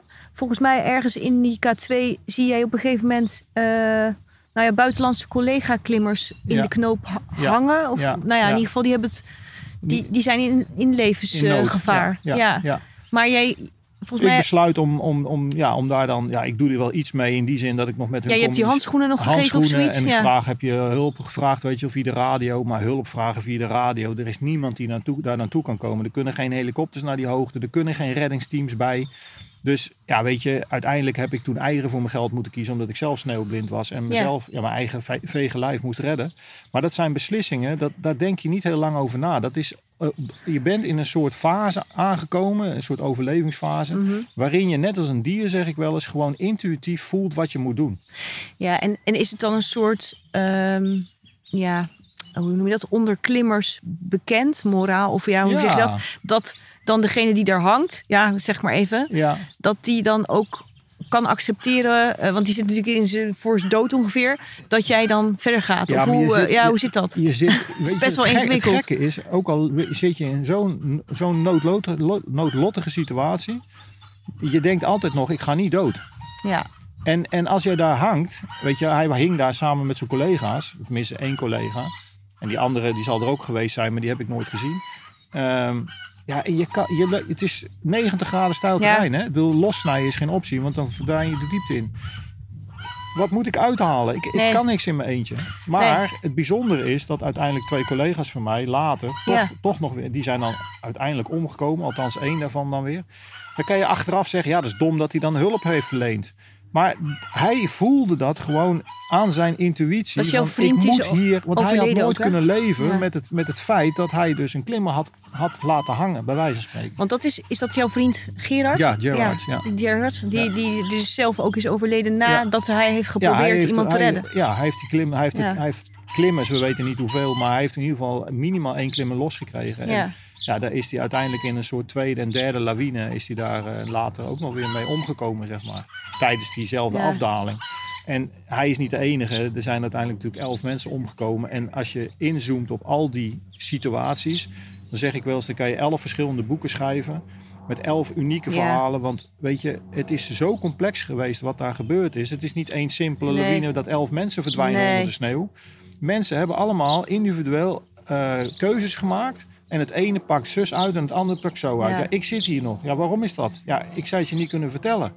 Weet je, dan kan ik wel heel stoer gaan lopen doen dat ik hele slimme keuzes heb gemaakt. Maar als ik analyseer welke keuzes ik heb gemaakt, dan moet ik eigenlijk toegeven dat ik hele onlogische keuzes heb gemaakt. Maar het is wel de reden dat ik hier nog zit. Ja, want dat, is, dat vind ik wel... Kijk, weet je, los van alles... ehm, wat kan je hier uithalen voor eh, gewoon eh, in het normale Ja. leven? Is dat ja, dat je snel moet beslissen? Dat je je, heb jij je gevoel gevolgd?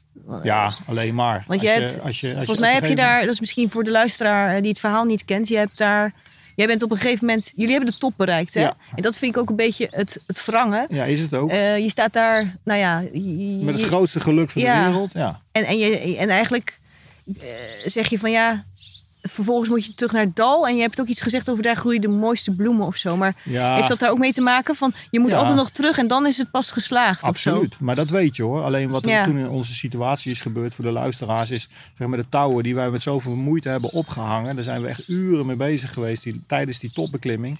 Ja, die waren gewoon weg. Want dat, is voor, dat ga je dan ophangen om terug te kunnen ja, gaan. want ja. ik zeg wel eens klimmen omhoog is, ja, hoe lastig het ook is, is toch altijd nog makkelijker dan afdalen. Mhm. En als je moet afdalen zonder touw, ja, dan is één klein foutje en je bent je bent je bent je bent gezien. Ja. Dus wat we dan doen, is dat we een soort heel lichtgewicht touwtje uit weten te hangen, waarmee we dan een soort trapleuning hebben waarmee Mhm. we naar beneden kunnen. ja. Dat moet je op de allergevaarlijkste stukken gewoon doen. Eh, dat kan ook tegenwoordig, omdat we superlichte touw hebben eh, Mhm. ontwikkeld. Vroeger kon het allemaal niet. Nee. Ehm, maar ja, dan is je touw weg. En dat was iets heel bizars. Want dat touw, dat kan ik nu wel vertellen, maar dat wisten wij natuurlijk niet, was weggeslagen door, door een lawine. Oh. Alleen niemand heeft ooit die lawine gezien of gehoord. Dus op het moment dat jij dan terugkomt op je terugweg en je touw is er niet. En je herkent het niet aan het terrein, want het is zo groot daar. Ja. En het is allemaal wit. Ja, dan vraag je je af, we zitten niet goed. We ja, want je weet niet, je denkt dan niet, mijn touw is weg. Nee, Tenminste, lijkt mij. Nee. Nee. En dan zeggen mensen, ja, maar je hebt toch een GPS tegenwoordig? Ja, maar als jij zelf een, een, een touw uithangt, dan, dan, dan hoort dat er een aantal uren later nog gewoon te liggen natuurlijk. Mhm. En nu weten we, we hebben weer geleerd natuurlijk, dus in de toekomst. Maar dit was nog nooit voorgekomen, dat, dat iemand zijn touw verdween. Het klimmers halen dat touw niet weg. Nou goed, en ja, dan kom je in een soort noodsituatie terecht en dan... Ja, dan wordt het een soort film. En, en dan, ja, als je het dan overleeft, dan spoel je die film terug. En dan, ja, wat ik al zeg, dat, dan is het zo wonderbaarlijk ja, hoe dingen dan lopen. En dat ook ik dan te horen krijg, ja, die is er niet meer en die is er niet meer en die is er niet meer. En dat ik, ik zeg, maar hoe dan? Ja, Nou goed, en dan, bizar hè?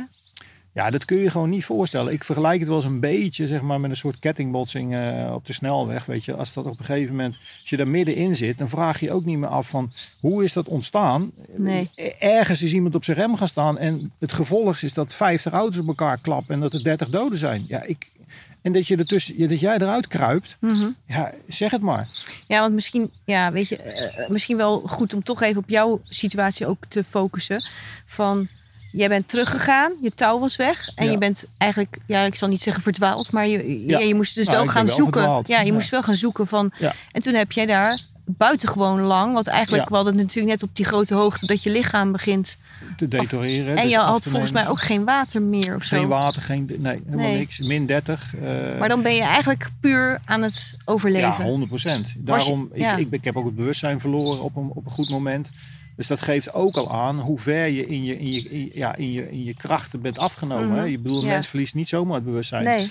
En eigenlijk zeg ik ook wel eens, zou het logisch zijn geweest als ik daar, nou ja, wij noemen dat dan wel eens in de buik van de berg gebleven zouden zijn. Want ja, als de accu leeg is, dan houdt het op. Mhm. Maar dat en nou kom ik je dus bij een heel interessant punt. Mensen zijn geen stuk techniek. Mensen hebben blijkbaar Mhm. een overlevingsinstinct. Wat, wat, ja, wat, wat, zoals in mijn situatie, terwijl ik dus zonder eten, zonder drinken, bij min 30, totaal uitgeput, het bewustzijn verlies. Alleen ook, hè? Alleen? Ja. toch weer de ogen opent, toch weer ja, een oplossing vindt, wat, wat, of het nou een goede of een slechte is, maar en uiteindelijk, ik moet dan nog een nacht door, eh, overleven, ook die Ja, ook nacht geen, geen tent, geen niks. En ook Nee. die nacht ga ik in met het idee, nou ik weet niet of ik de zon ooit nog op zie komen. En dan, en dan, en dan de volgende ochtend komt de zon op en, en ik, ik, ik zie dat de zon opkomt en ik vervolg weer mijn weg. En uiteindelijk ja, weet, ik, weet ik beneden te komen. Ja, dat, is- dat is, dat is, je leeft als een robot. Ik bedoel, dat kunnen wij ons niet voorstellen, omdat ons hele leven nogmaals me- meestal aan de goede kant van de lijn zich afspeelt. Ja. Maar als je aan de andere kant komt, en de, ik kan uit ervaring spreken, dan is het zo bijzonder hoe, hoe, ons, hoe uniek ons leven en onze kracht en onze. Hè, het is natuurlijk niet zo dat ik En je lichaam ook. Ja. je lichaam en Mhm. ook denk ik je, toch je spiritualiteit in die zin van waar hou je je dan aan vast? ja, Kijk, want dat, ik, dat, ik heb natuurlijk niet gedacht, dit is het einde, nou ga ik dood. nee, want dat vind ik wel opmerkelijk. Want jij zegt, die klimmers die daar hingen, die dachten niet ik ga dood. Jij zegt eigenlijk, als ik zo je verhaal hoor, denk ik nou je was bijna dood. Ja, ja, ja. Je zegt, ik had niet het idee dat... Ja, ik maar wist, ik wist waar hou je je aan vast? Nou, Wat is ik, er dan? Ik realiseer natuurlijk wel dat het kan ook het einde zijn. Maar ik, ik was ontzettend boos. En achteraf gezien... Boos? Ja, boos. Ik was natuurlijk vader geworden. Ik was zeven maanden of acht maanden had ik een zoon. Zo. Nou, ik, ik had natuurlijk het laatste telefoongesprek. Hoe bizar kan het zijn, hè? Wat je voert met je vrouw. Terwijl zij hier in Nederland zit en ik daar 10.000 kilometer verderop. Op een berg waar niemand bij kan komen. Mhm. eh, jou dan probeert moed in te praten. Waarbij ik nog boos word omdat ik dan haar adviezen, eh, nou ja, weet, weet je wel, weet je wel, wilde wegwimpelen. En uiteindelijk eh, ehm, ja, hang ik op. En natuurlijk heb ik me continu gerealiseerd. Hoe ben ik in godsnaam in deze situatie terechtgekomen? Waar zijn al die andere klimmers? Waar was dat touw? Weet je, je en dan kan je wel proberen de film te, terug. Maar het is donker. Hè? Dat heeft in de nacht, voor een groot deel in de nacht al. Waar is mijn grote klimvriend? En, en, dan, en dan, je snapt het gewoon niet. En ik was natuurlijk zo boos dat, dat, dat ik, ik dacht ook, ja, ik moet naar beneden. Want ik heb een zoon, weet je wel. Ja. Ik, ik, ik ben net vader geworden, man. Dit kan niet het einde zijn. Maar vervolgens kijk je in een zwart gat met alleen maar rotsen en diepte. En dan denk je, ja, maar hoe kom ik in godsnaam naar beneden? Nou goed, en dan, en dan verlies je het bewustzijn en dan word je weer wakker. En Ja, ik- had net zo goed is, eh, niet Ja, meer wakker. Nee, ja, dat klinkt ik, eh, ik denk, grof, hoe kan het zijn dat je wakker bent geworden? Ja.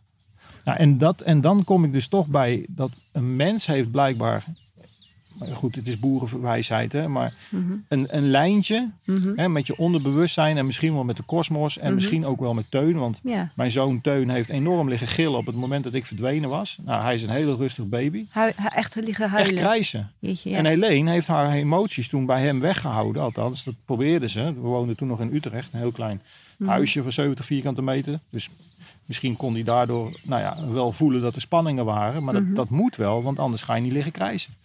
En als je die tijdslijnen over elkaar heen legt, dat ik op die berg dus het bewustzijn kwijt was en dat hij lag te schreeuwen. Dat is precies hetzelfde in dezelfde nacht on- on- on- on- op, op hetzelfde eh, uur. Ja. Ja, dan denk ik, dan, dan moet een uitwisseling hebben ja, plaatsgevonden. het is meer tussen hemel en aarde. Ja. Nou, en of je er nou in gelooft of niet, die discussie wil ik niet eens aan. nee, maar het is wel gebeurd. eh, Ja, Ja. en ik hoop alleen maar dat jij dus ja, iets kan aanroepen in, in zo'n situatie waarin je dan je daaraan op kan trekken. Want uiteindelijk ben ik alsnog natuurlijk bewusteloos gevallen, maar ik ben wel wakker geworden. Dan kan je zeggen, ja, dat is een mooi geluk geweest. Nou, prima, sla je dood en dan hebben we het er niet meer over. Nee. Of je probeert er dus iets uit te halen. Ja, want we kunnen dit gewoon niet verklaren aan de, aan de, aan de hand van wetten. nee, maar aan de andere kant zeg jij wel iets moois daar impliciet in van... ehm, je bleef hoop houden, Ja, denk ik. altijd. Dat je dat Ja, zegt. ja. Want jij hebt niet gezegd... Oké, nu ga ik me eh, Nee. in elkaar stoppen en Nee. ik ga in- eh, als een soort. Er zijn natuurlijk heel veel bergklimmers die zegt men ook van dat is dan word je gedragen door de berg Ja. als je daar komt te overlijden. Ja, ja. Maar dat, je, hebt dat, je bent daar niet zo mee bezig geweest, want je had toch nog wel hoop. Ja, ik, kijk, toen het donker was, wist ik natuurlijk wel van ik kan nu niet naar beneden. En dan ga je dommelen. En dat is dan ook weer ervaring. Hè? Want die bivaks heb ik in de Alpen natuurlijk ook wel meegemaakt. Mhm. En hoe slecht je het ook hebt, hoe koud je het ook hebt. Op een gegeven moment, joh, je bent niet meer bezig met die voeten. Je bent niet meer bezig met de kou in. Je bent niet, je- het enige wat je voelt is pijn in je keel om- omdat, omdat het zo droog is. Ja. Maar dan stop je wat sneeuw in je mond en dan wordt het alleen maar erger. Dus dat is ook geen oplossing. Maar om er aan te geven, daar kom je wel doorheen. Zolang je maar hoop blijft houden. Dat, dat en nog een soort van. Kijk, ik heb, Ja. ik heb altijd gezegd. Op het moment dat wij niet, geen oplossing zien. wil niet zeggen dat er geen oplossing is. Er, is, er zijn altijd Maar oplossingen. je hoeft hem ook niet altijd te weten. Nee, en wij zien hem soms niet. Maar geef het dan de tijd. En ik zeg wel eens, ja, dat klinkt een beetje zweverig, maar gooi het in de lucht, hè, in de kosmos. En als het, ja, de, de, de, het universum bepaalt. En, en bij mij is dan het dubbeltje de goede kant op gegaan. Maar mijn vrouw weet ook wel hoe, hoe, hoe, hoe verdrietig het natuurlijk ook is. Dat als het dubbeltje de andere kant was opgegaan. Ik deed wel die dingen die ik het meest, het liefste deed. Ja, want dat is natuurlijk ook, dat zal je vaak eh, ook wel krijgen met zo'n sport van waarom doe je dit terwijl je een gezin hebt of zo. Ja. Maar Nou ja, heel simpel. daarvan zeg je van ja, dit, dit, is, mijn, dit is mijn passie. En, eh, Ja, mijn passie. Maar weet je, passie is zo belangrijk in het leven. Ja. Weet je, als je gepassioneerd door het leven gaat. hè, Ik had het in het begin ook al een beetje over die muzikant of, of, of die kunstenaar. Ik zeg wel eens, gepassioneerde mensen maken, maken slachtoffers, om het zo maar te zeggen. Want je, moet er maar, je zult er maar mee samen mee moeten leven. Maar aan de andere kant, ja, weet je, je wil, je wil wel een voorbeeld zijn. En ik, met, met, met alles wat ik doe, hoop ik gewoon een bepaald voorbeeld ook voor mijn zoon te zijn. En ik ben ervan overtuigd dat hij meer heeft aan een vader die leeft vanuit zijn kracht, vanuit zijn, zijn exploratie, zijn, zijn creativiteit, dan een vader die zegt: hey, ik ben nu papa geworden, nu blijf ik thuis. Ik ga En in een gouden kooi zitten. En, ja, want, en dan is de Ja. volgende vraag, tot hoe lang moet ik dan thuis blijven? Want hij gaat Ja. op een gegeven moment het huis uit. Ja, maar hoe gaat het ook inmiddels met jou? Dat Ja, is ook een goede oh, vraag misschien. En dan, maar nou, en nou wordt het een draak van een zoon, die, die, die helemaal geen invloed meer eh, op Nee. hebt. Hè? En een draak van de vader. En, dan heb, heb ik mezelf. Dat, dat, Ja. weet je, uiteindelijk is het hoogste treden hè, in, in, in, in, in, met het Pavlov. eh, Hè, Mhm. Zegt toch ook van het gaat om zelfontwikkeling. Ja, zelfontwikkeling, dat is in de liefde ook niet altijd even makkelijk. Want dat betekent ook dat je af en toe afscheid moet nemen. Maar we weten allemaal dat, dat uiteindelijk in je leven er een moment komt dat we afscheid moeten nemen. Mhm. Maar hoe fijn is het als je dan weer terug kunt komen, waarbij je een soort van nou ja, getransformeerd bent, om dan maar te- hè, Mhm. waarop je dan weer heel veel energie hebt, wat je kunt geven en dat je zegt, jongen, doe alles wat er in je vermogen ligt om aan je eigen geluk te werken. Nou, ik vind van je vrouw ook heel mooi dat Absoluut. ze jou eh, dit ja, in de gelegenheid stelt 100 om dit te doen. En eigenlijk doe je dat toch ook samen? Zeker, Want, want, eh, weet je, dat- is, ik heb dat in mijn, in mijn boek natuurlijk een beetje met haar dagvoegfragmenten proberen weer te geven. Ja, als ik dat lees, dan schiet ik ook vol. heftig hoor. Ja. Weet je? Ja. En mhm. voor haar moet het nog moeilijker zijn geweest. Kijk, ik was nog een soort van aan het overleven, maar zij had niks te doen. Zij zat alleen maar met die, met die, met die kutinformatie van internet, om het zo maar te zeggen, waarop ik al opgegeven was en ik kon niet meer Mhm. terugkomen. Nou, ga er maar mee dealen met een zoontje van zeven maanden. in Met je vader in het huis die niet weet wat hij zoeken moet. Een moeder die rondjes loopt te draaien. Een zus die op internet alles, alle- allerlei eh, nou ja, waan, waanideeën Mhm. leest. Ja, dat, dat, dat, Nee. dat, dat, ze heeft ook, en dat is ook iets, hè. Zij heeft op een goed moment, en daar ben ik aan de ene kant wel trots op, maar dat is wel hard, ook de knop omgezet en gezegd, oké, hij komt niet meer terug. Dus deze boerderij waar we nu wonen stond weer te koop. Want we woonden toen nog in Utrecht. We hadden hem net gekocht. Dus net voordat ik op expeditie ga, heb ik alle contracten zitten tekenen. Ja? Levensverzekering afgesloten. Om wel even een leuk dingetje te noemen. Hele hoge premie. En hele, Oh, nee, nou, nee, nee, nee, ik had een normale premie gekregen. Dus die man die uiteindelijk dat, nou, die was maar heel blij dat ik weer eh, levend terugkwam. Maar om maar even aan te geven dat je dus gewoon al uit iemands leven was gegaan, weet je. En aan de andere kant, In die twee dagen dat jij niet meer, dat je eigenlijk vermist was. ja, Of- want zij moest ook schakelen. Ze moest ook door met haar leven natuurlijk, weet je. Ze was moeder. eh, ze zei, ja, er was geen haar op mijn hoofd die erover nadacht om, om naar die stomme boerderij eh, ergens in, in het oosten te gaan. Eh, bekijk het even. Ja, en als ik dan, toen ik dan terugkwam en ik, en ik hoorde dat soort dingen natuurlijk ook allemaal. Ja, dan, dan ging ik me natuurlijk ook wel realiseren van... Jezus man, wat, wat een hel moet dat geweest zijn om, eh, ja, om, om je dus al een leven voor te moeten stellen. Mhm. Nou ja, zonder, zonder je man of je, of je echtgenoot. Dus dat... eh, ja, en het is, het is heel, ja, heel dubbel allemaal. Want ik zal nooit vergeten dat mijn schoonvader eh, ook zoiets had van... nou, ik ga wel een, eh, een hartig woordje met hem... eh, hè, want ik, ik, als, hij, als hij toch realiseert wat hij mijn dochter allemaal heeft aangedaan... Ja. Maar dat gesprek heeft uiteindelijk nooit plaatsgevonden. Want op het moment dat ik natuurlijk terugkwam op Schiphol... Ja. met, met mijn verband om Dan was niemand meer boos Dan natuurlijk. op een gegeven moment realiseer je natuurlijk ook van... ja, weet je wel, dit is een leven waar ze allebei voor gekozen hebben. Ja, dat vind ik er heel mooi in. Van, kijk, dit is natuurlijk een, eh, een buitengewoon bijzonder extreem verhaal. Mhm. Maar als je hem iets kleiner maakt, vind ik het gewoon wel heel mooi dat je in vriendschap of in liefde de ander ook vrijlaat om zijn ding te kunnen doen. Ook al Ja. eh, vind je het niet altijd misschien leuk. Of, Nee. of, eh, ik, dat is, Ik denk misschien dat- is dat wel de grootste vind ik zo mooi. Ja, vind het wel heel mooi Want dat je dat elkaar... Hoeveel relaties hier wel kapot gaan, weet je. Ja, je had het over die gouden kooi. En dat is toch omdat men denkt... Ja, nee, maar dat, wat jij doet, dat kan ik allemaal niet meer. Hè? Ook niet in een lichtere vorm. Want dat zou mijn vrouw of mijn man nooit goed vinden. Dan vraag ik, ja, maar heb je bij het gesprek wel eens aangegaan? Nee, maar daar hoef ik echt niet over te beginnen.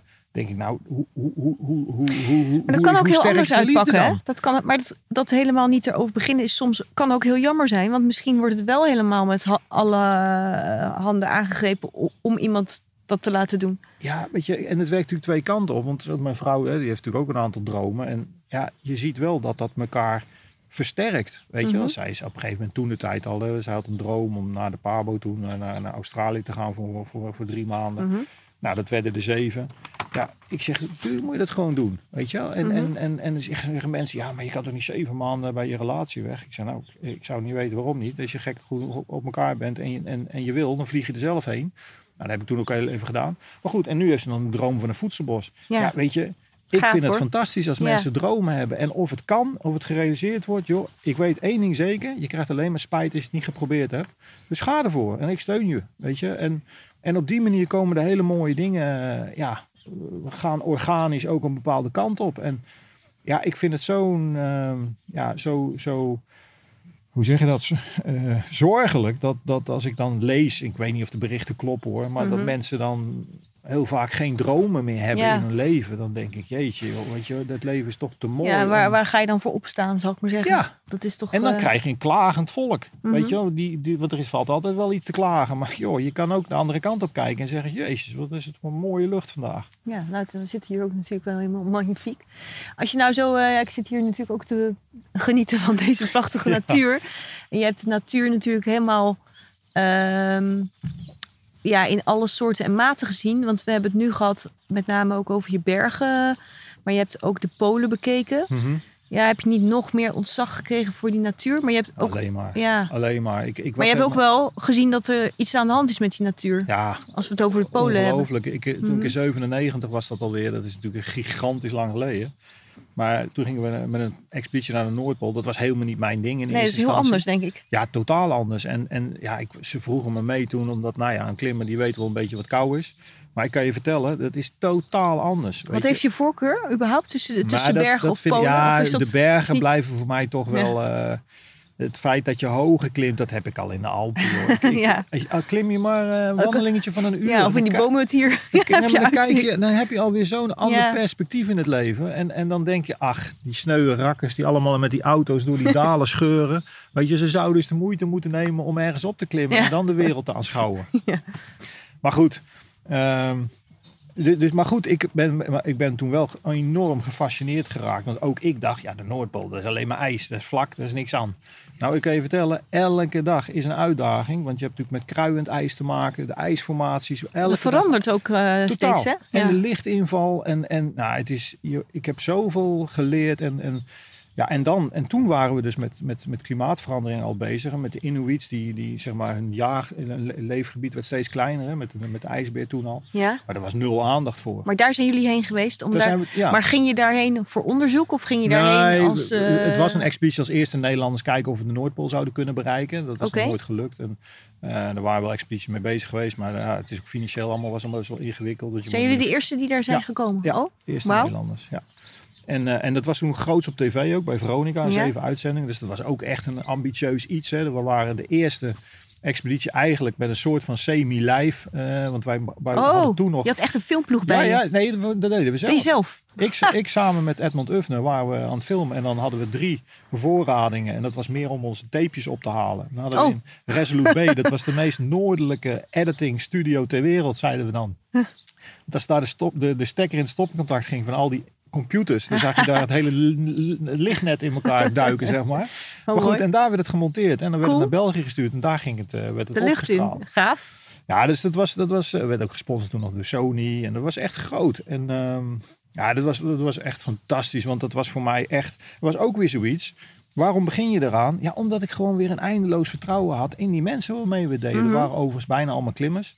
Dus ja, ik dacht, ja, dat is Hans van der Meulen. Hè. Dat was die, die, die, die, die, zeg maar mijn voorbeeld ook eh, van, van de zeg maar, generatie voor mij. Maar je zegt het waren allemaal klimmers. Ja. Dat is dan toch vanwege hun ervaring met koude en met Ja. doorzetten. En eh, ja, toch... het, het, toch was, eh, het was niet één jongen, Mark Cornelissen, die, dat was eigenlijk de, de Nederlander met de meeste ervaring. Die was op de met zijn fiets had hij geprobeerd de magnetische Noordpool te bereiken. Dat was niet gelukt. de magnetische Noordpool. ja, dat is weer een beetje ingewikkeld. Maar je hebt de magnetische pool en de geografische Noordpool. Ja? De geografische Noordpool, dat is echt het punt waar de aarde om zijn as draait. Ja? Maar magnetisch, daar wijst je kompas niet exact naartoe. Oh. Die wijst naar het magnetisch noorden. En dat Ja, komt weer omdat de aarde niet rond is. Ja. En die verplaatst zich ook elk jaar. Ja. Omdat die magneetvelden natuurlijk Dat las ik veranderen. ergens, dat dat ding zich... Ja, dat, dat verplaatst zich. dus die ligt Hoe- al hoeveel 1600 verplaatst zich dat per jaar? Ja, dat kan zomaar 50 of 100 kilometer per jaar zijn. Oh. Ja. Zo. En, en nu ligt hij al 1600 kilometer zeg maar, weg. Dus je kunt je voorstellen, ze denken zelfs, Zo. theoretisch zou het kunnen zijn, dat de polen omdraaien. Omdraaien.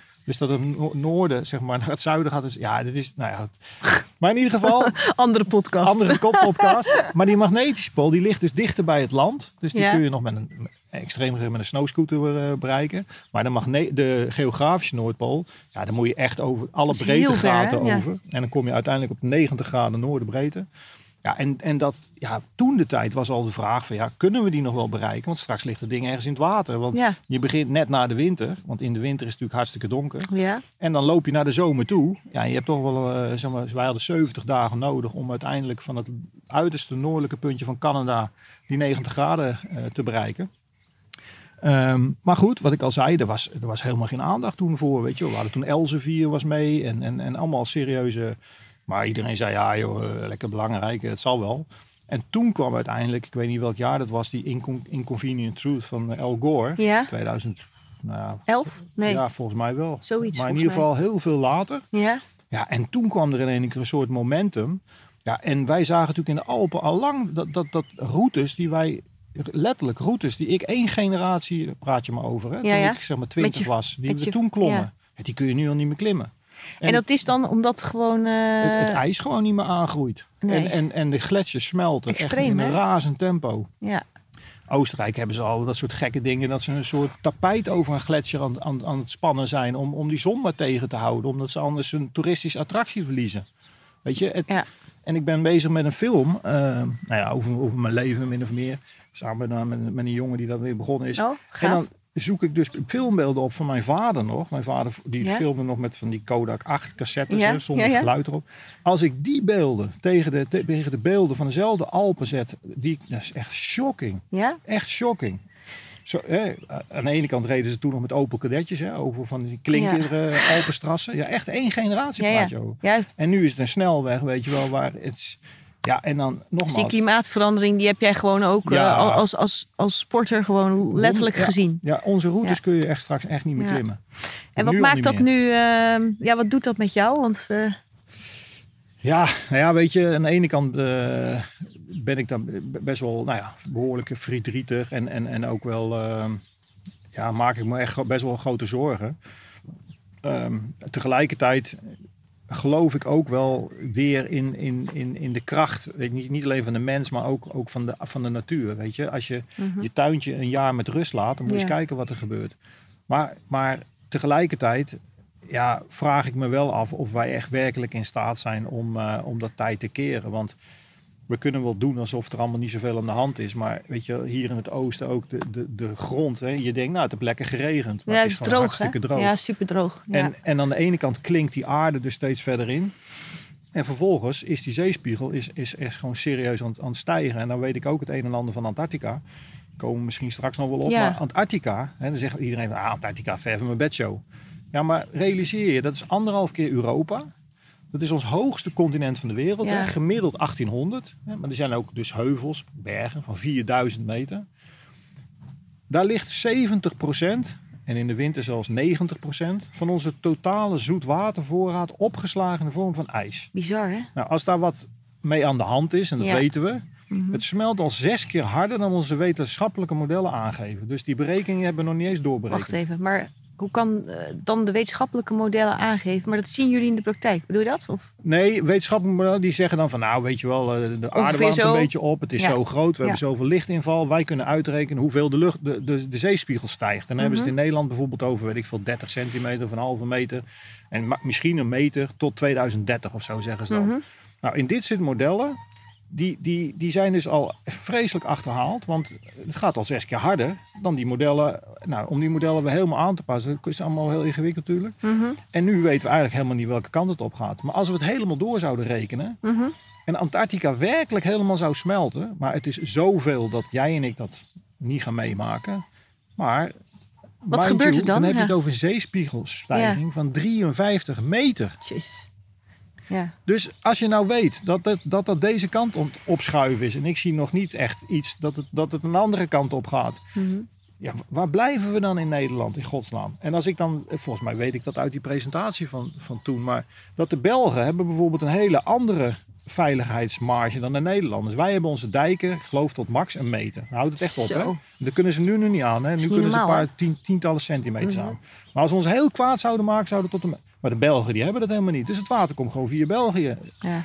Nou, weet je, en als je dan weet hoeveel, hier zit je nog relatief hoog bij, boven NAP. Maar als je toch een huis koopt ergens in, weet ik veel, eh, nou ja, in, in het Westland. Ja, dat weet ik niet, maar volgens mij is het een hele slechte investering. Want straks gaat het water toch echt een probleem komen vormen. Ja, en dan zijn jullie.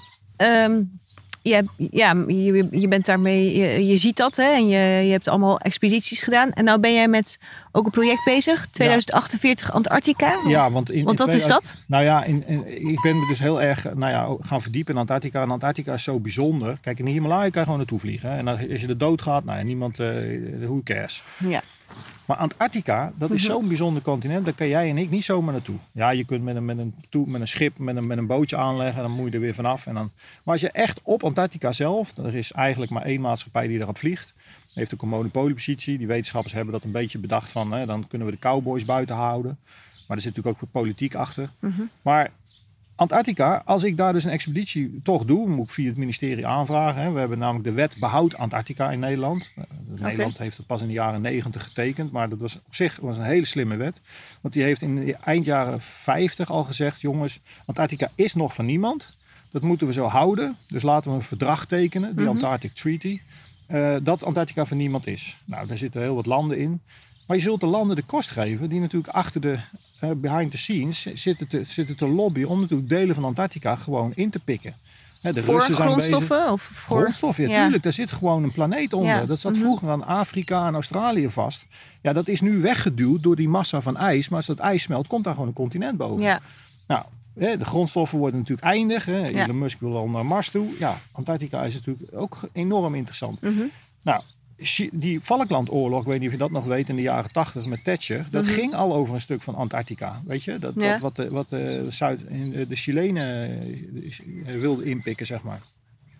Maar in 2048 verloopt dat verdrag. Oh, vandaar jouw getal. Ik wist niet waar het vandaan kwam. Nee, Ja, en dus heb ik gezegd, hoe kan het zijn dat 2048, dat niemand daarvan weet? dat is toch helemaal niet. Dat is niet, klinkt niet heel ver weg. Nee, Toch? want we hebben het ook over klimaatverandering Ja. in 2050. Ja. Nou ja, en dan denk ik, jongens, dit moeten we niet laten En dat gebeuren. houdt eh, ook wel met elkaar verband, lijkt me zo. Tuurlijk, want weet je, de, ik, ik weet dat, dat het is natuurlijk nog een soort niemandsland. Dus de Chinezen zijn daar, dat lees je ook niet in de media, maar die zijn daar echt grote dingen al aan doen. De Russen die daar Maar natuurlijk... is dan met name onderzoek of zo? Is het onder het mom ook van onderzoek? Ja, of we hebben wij, ik heb toen maak je gezegd je zorgen van, omdat laat- het onder het mom van onderzoek andere dingen gebeuren? Of, Mijn stelling is dat wij zouden de, de, de wereld kunnen redden als wij onze informatie zouden gaan delen met elkaar. ja. Is dat ook van jouw eh, spreuk? Nou, ik heb dan, ja, ik, mijn spreuk is meer dromen durven delen doen. Ja. hangt er ook wel mee samen. Maar waar, waar ik heel erg van overtuigd ben, en dat zie ik op Antarctica natuurlijk ook heel erg. Onderzoek doen daar kost heel veel geld.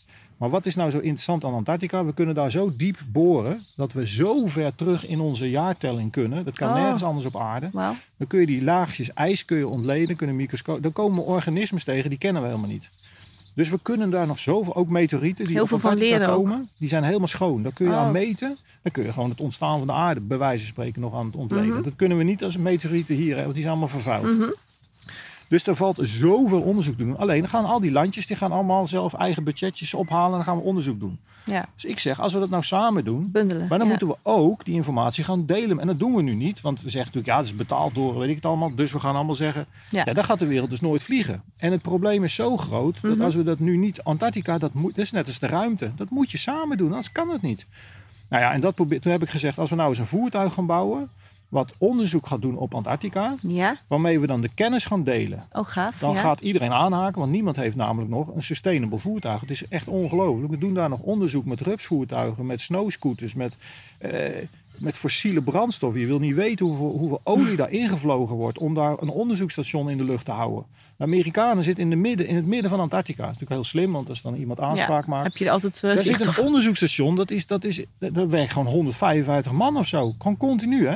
En die zitten daar gewoon? Ja, en acht maanden per, per, per maand, is, of eh, per jaar, is het gewoon donker. Oh ja. En die, die, dat station moet wel gewoon op 30 graden worden gehouden. Er is een gaarkeuken, er zijn ga- videogames. De, de, de- het is gewoon, een, is gewoon een stad op zich. Mhm. Nou, toen hebben wij gezegd, hoe kan het dat je... Want ik ben daar natuurlijk ook geweest. Hoe kan het dat je hier met rupsvoertuigen en, en, en Ford 6-cilinder aangedreven, Ja. weet ik veel wat rondrijdt? Totaal niet duurzaam ook. Nul. Ja. En dat komt omdat ze zeggen, ja, maar dat kan niet in deze kou.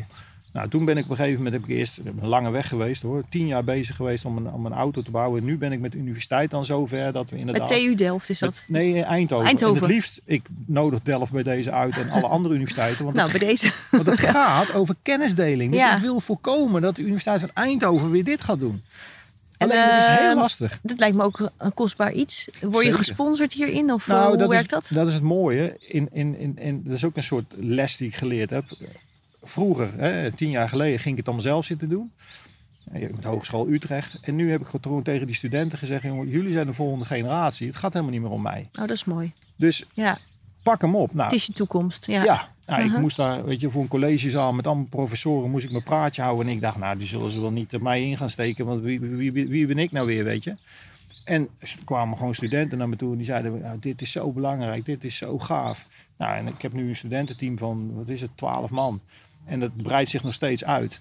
En, ja, En dat zijn gewoon eh, gewoon vrijwilligers? 20 ja, die, Die eh, dus met, met deze mooie gedachten, Ja. een stuk toekomst, een stuk kennisdeling, Ja. hier gewoon met passie aan werken. Ja. ongelooflijk fanatiek, Mooi. internationaal. Hè? Dus het zijn niet alleen Nederlandse studenten.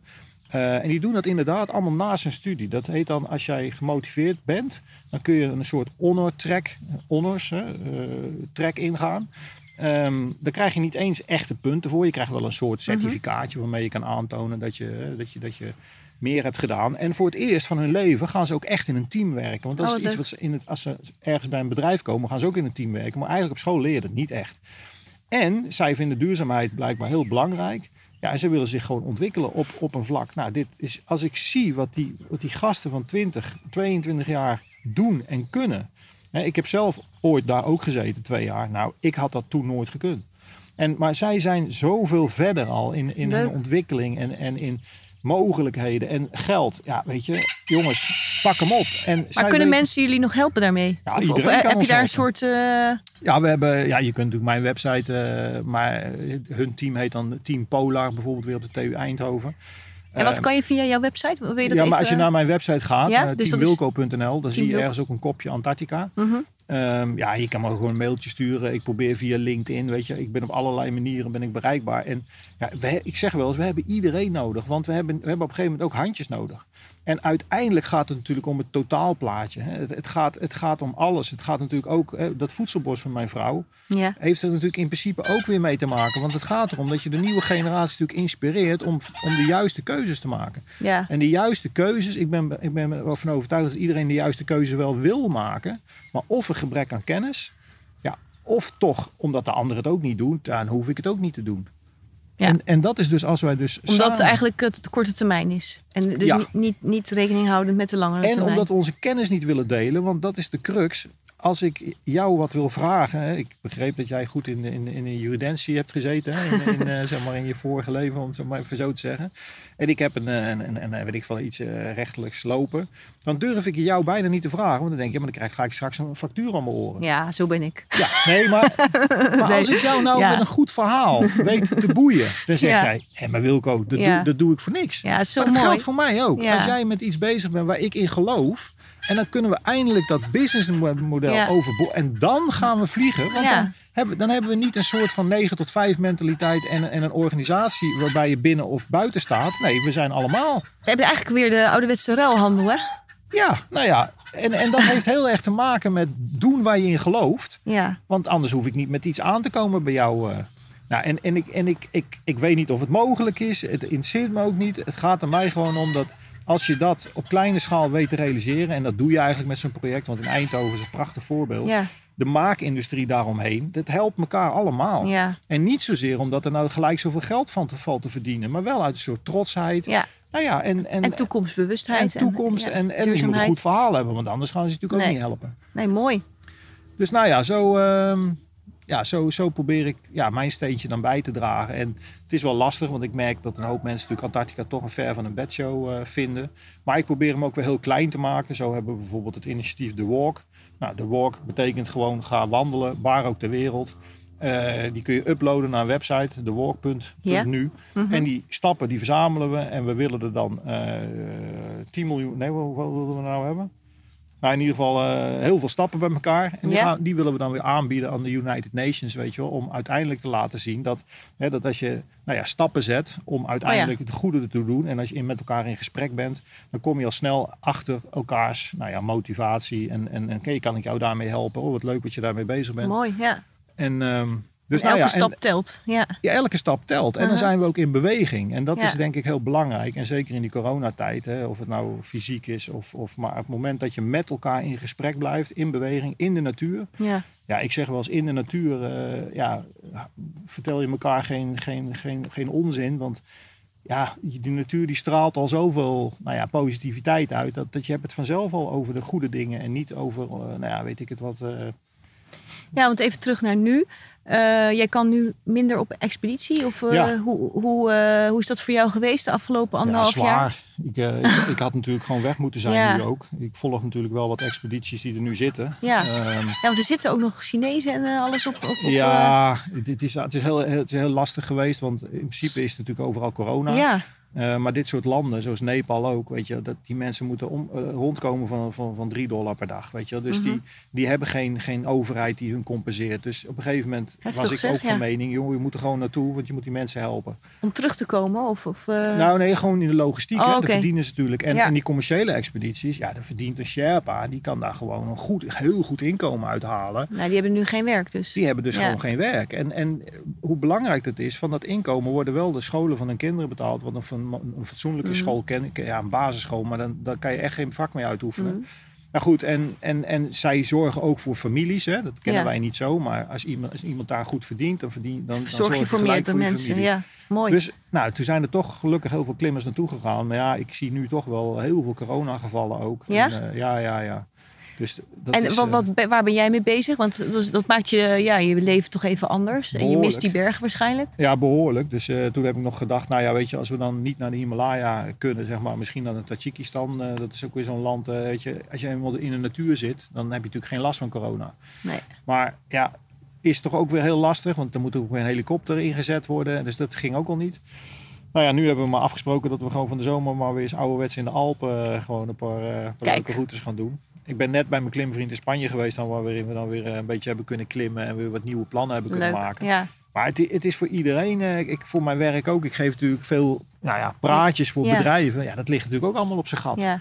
Dus in die zin is het wel even schakelen. Ja. Alleen ja, iedereen heeft daar mee te maken. Dus ja. eh, alleen ik ben tegelijkertijd ook altijd weer optimistisch. En ik denk, jeetje, je kunt op twee manieren naar kijken. Zeggen van, kijk eens, mijn inkomen loopt achteruit. Maar aan de andere kant kan je ook zeggen, kijk eens wat het nu, nu, nu doet voor die natuur. Want hè, zeg maar, het aantal vliegbewegingen of ja, die komt een überhaupt- beetje bij. Ja. dat hadden Mhm. wij als mensen onder elkaar nooit voor elkaar gekregen. Want wij, als wij gaan discussiëren, dan krijgen we, nou jij 1%, wij, jij. Ja. En nu hebben we gewoon, weet ik veel, in één keer 20% minder. Of, weet je? Dus dat, zal jou ook goed doen. Ja. nou ja, dat heeft die natuur Ja. wel nodig. Want met die, hè, ik, ik bedoel, ik, ik zit hier natuurlijk in een landbouwgebied.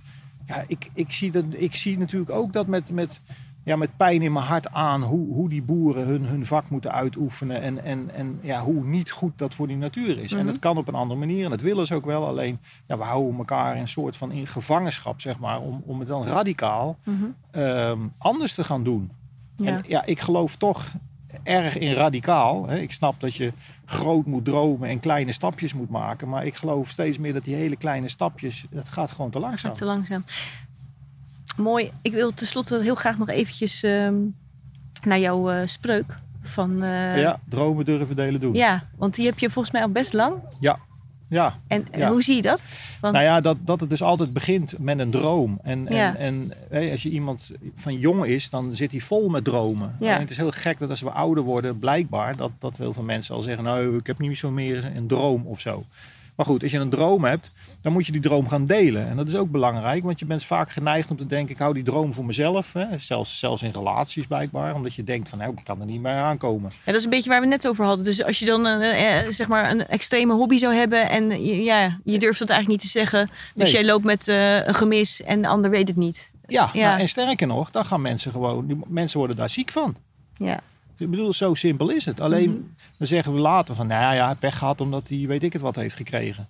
Ja, ik geloof heel erg in de kracht van het menselijk lichaam. Dat, dat weet je, ik wil niet zeggen dat, dat, dat als je pech hebt, heb je pech. Nee. Maar als jij hoofdpijn hebt, om maar een idee te geven, dan komt dat ergens van. Dan kun je Mhm. pilletjes slikken of je kan denken, oh, misschien moet ik even kijken naar, naar, naar hoe ik bezig ben. eh, hè? Mhm. Nou goed, dus die, maar die droom die moet je delen. Want hè, met, met, met, met elkaar kom je toch echt verder. Hè? Mhm. Vaak niet sneller. Dat heb ik ook wel gemerkt met het Antarctica-project. Maar ik dacht, ik ga niet naar de universiteit. Want dan gaat het allemaal zo lang duren. En kom je in die fundamentele onderzoeksfases terecht. Nou, uiteindelijk ben ik daar wel... Het heeft tien jaar geduurd. En toen durfde je het. Eh, En nu, en nu zie ik, had ik het maar tien jaar geleden gedaan, Ja. weet je. Maar goed. Dus je moet hem delen. Dan moet je durven. Niet geheel onbelangrijk. En blijkbaar durft de ene mens nou eenmaal meer dan de andere. Ja, want hoe kan je dat... eh, eh, ja, als je, als je gewoon een angsthaas bent of je durft... Ja. Heb, heb je daar een tip voor? Ja, Van- zeker. Zorg dus dat je een team om je heen hebt van mensen met, met verschillende kleuren, zeg ik wel eens. Hè. Van, er zijn altijd ja, gasten te vinden die wel durven. Ik ben ook iemand Ja. die eigenlijk ja, nog meer doener ben dan, dan, dan, dan denker. Dus uiteindelijk is het voor mij gezond om mensen in mijn team te hebben ook die, die gewoon analyseren. En dan vind ik het allemaal veel te lang duren. Mhm. Maar dat is mijn, mijn uitdaging. Ja, dus voor, voor gewoon mensen zeg je van zoek dat in je vrienden. Of, of zoek dat Nou ja, om je heen. Of, of- of hoef- bij een club of bij een... Ja, eh, hoeven ja. geen vrienden te zijn. Hè? Want Nee. uiteindelijk is mijn stelling ook, als jij een droom hebt, zelfs die droom naar die bergen, die was nooit gerealiseerd als ik alleen maar naar mijn vrienden had gekeken. Ja. Want mijn vrienden zeggen nog steeds, niet. je bent niet goed snik. maar ik heb Ja. wel mijn collega's, om het dan maar zo te noemen, maar inmiddels zijn natuurlijk met, mijn allerbeste ja, vrienden geworden. matig geworden. Ja. En, en dat is, dus daar moet je je een beetje overheen zetten. En, en vooral ook uit hoe iemand aan de buitenkant uitziet. Want ga nou eerst maar eens het proces in met hem. Of het nou eh, hardlopen is of het maakt niet uit. En dan voel je vanzelf of je een klik hebt en op één lijn zit. Nou ja, en dat is toen met, met Cas ook gebeurd. Dus je moet, je moet ja, durven. Ehm, ja, en last but not least, je moet het gewoon gaan doen. ja. Want we kunnen, wij zijn Nederlanders ook, we kunnen zo lang ouwe hoeren voordat we dan Ja. iets gaan doen. En ik snap het allemaal wel. Maar een kind leert het snelst, en ook jij hebt het snelst geleerd toen je heel klein was. Je klom gewoon in bomen, je bent zelf gaan leren lopen. Dat Ja. heeft niemand jou uitgelegd. Dus je moet het gewoon gaan doen. En natuurlijk ga je een paar keer onderuit. En als je nou weer terugkomt bij dat Antarctica-verhaal, denk je dat ik het leuk vind dat ik, dat ik tien jaar later het nog niet helemaal voor elkaar heb? Enerzijds wel, maar tegelijkertijd ben ik nu zo ver gekomen dat ik denk: wauw. Want het is eigenlijk een soort never-ending project geworden. En de next generation, dus de jeugd van nu, die heeft hem opgepakt. Ja, dat, Dat is toch veel waardevoller dan dat ik tien jaar geleden bij spreken dat, dat project een zonneauto had gebouwd. Naar de Zuidpool was gereden. Daar een statement had opgehouden en weer naar huis was Nee, gegaan. maar dat is dan eigenlijk ook de weg van dat hele proces. Die het, dus niet per se dat einddoel, maar je, dat, je, Nee. dat je dat wel steeds die droom, eh, steeds een, klein stukje dichterbij. Of, Ja, of en soms val je dus, terug. dat, je ja. dus, dat je dus jezelf nou ja, blijft uitdagen. Hè? Want voor mij eh, is het... Kijk, als je, mensen zeggen, ja, maar het is toch fijn om bij je zoontje lekker thuis te zitten. Ik zeg, ja, dat is heel gezellig. Mhm.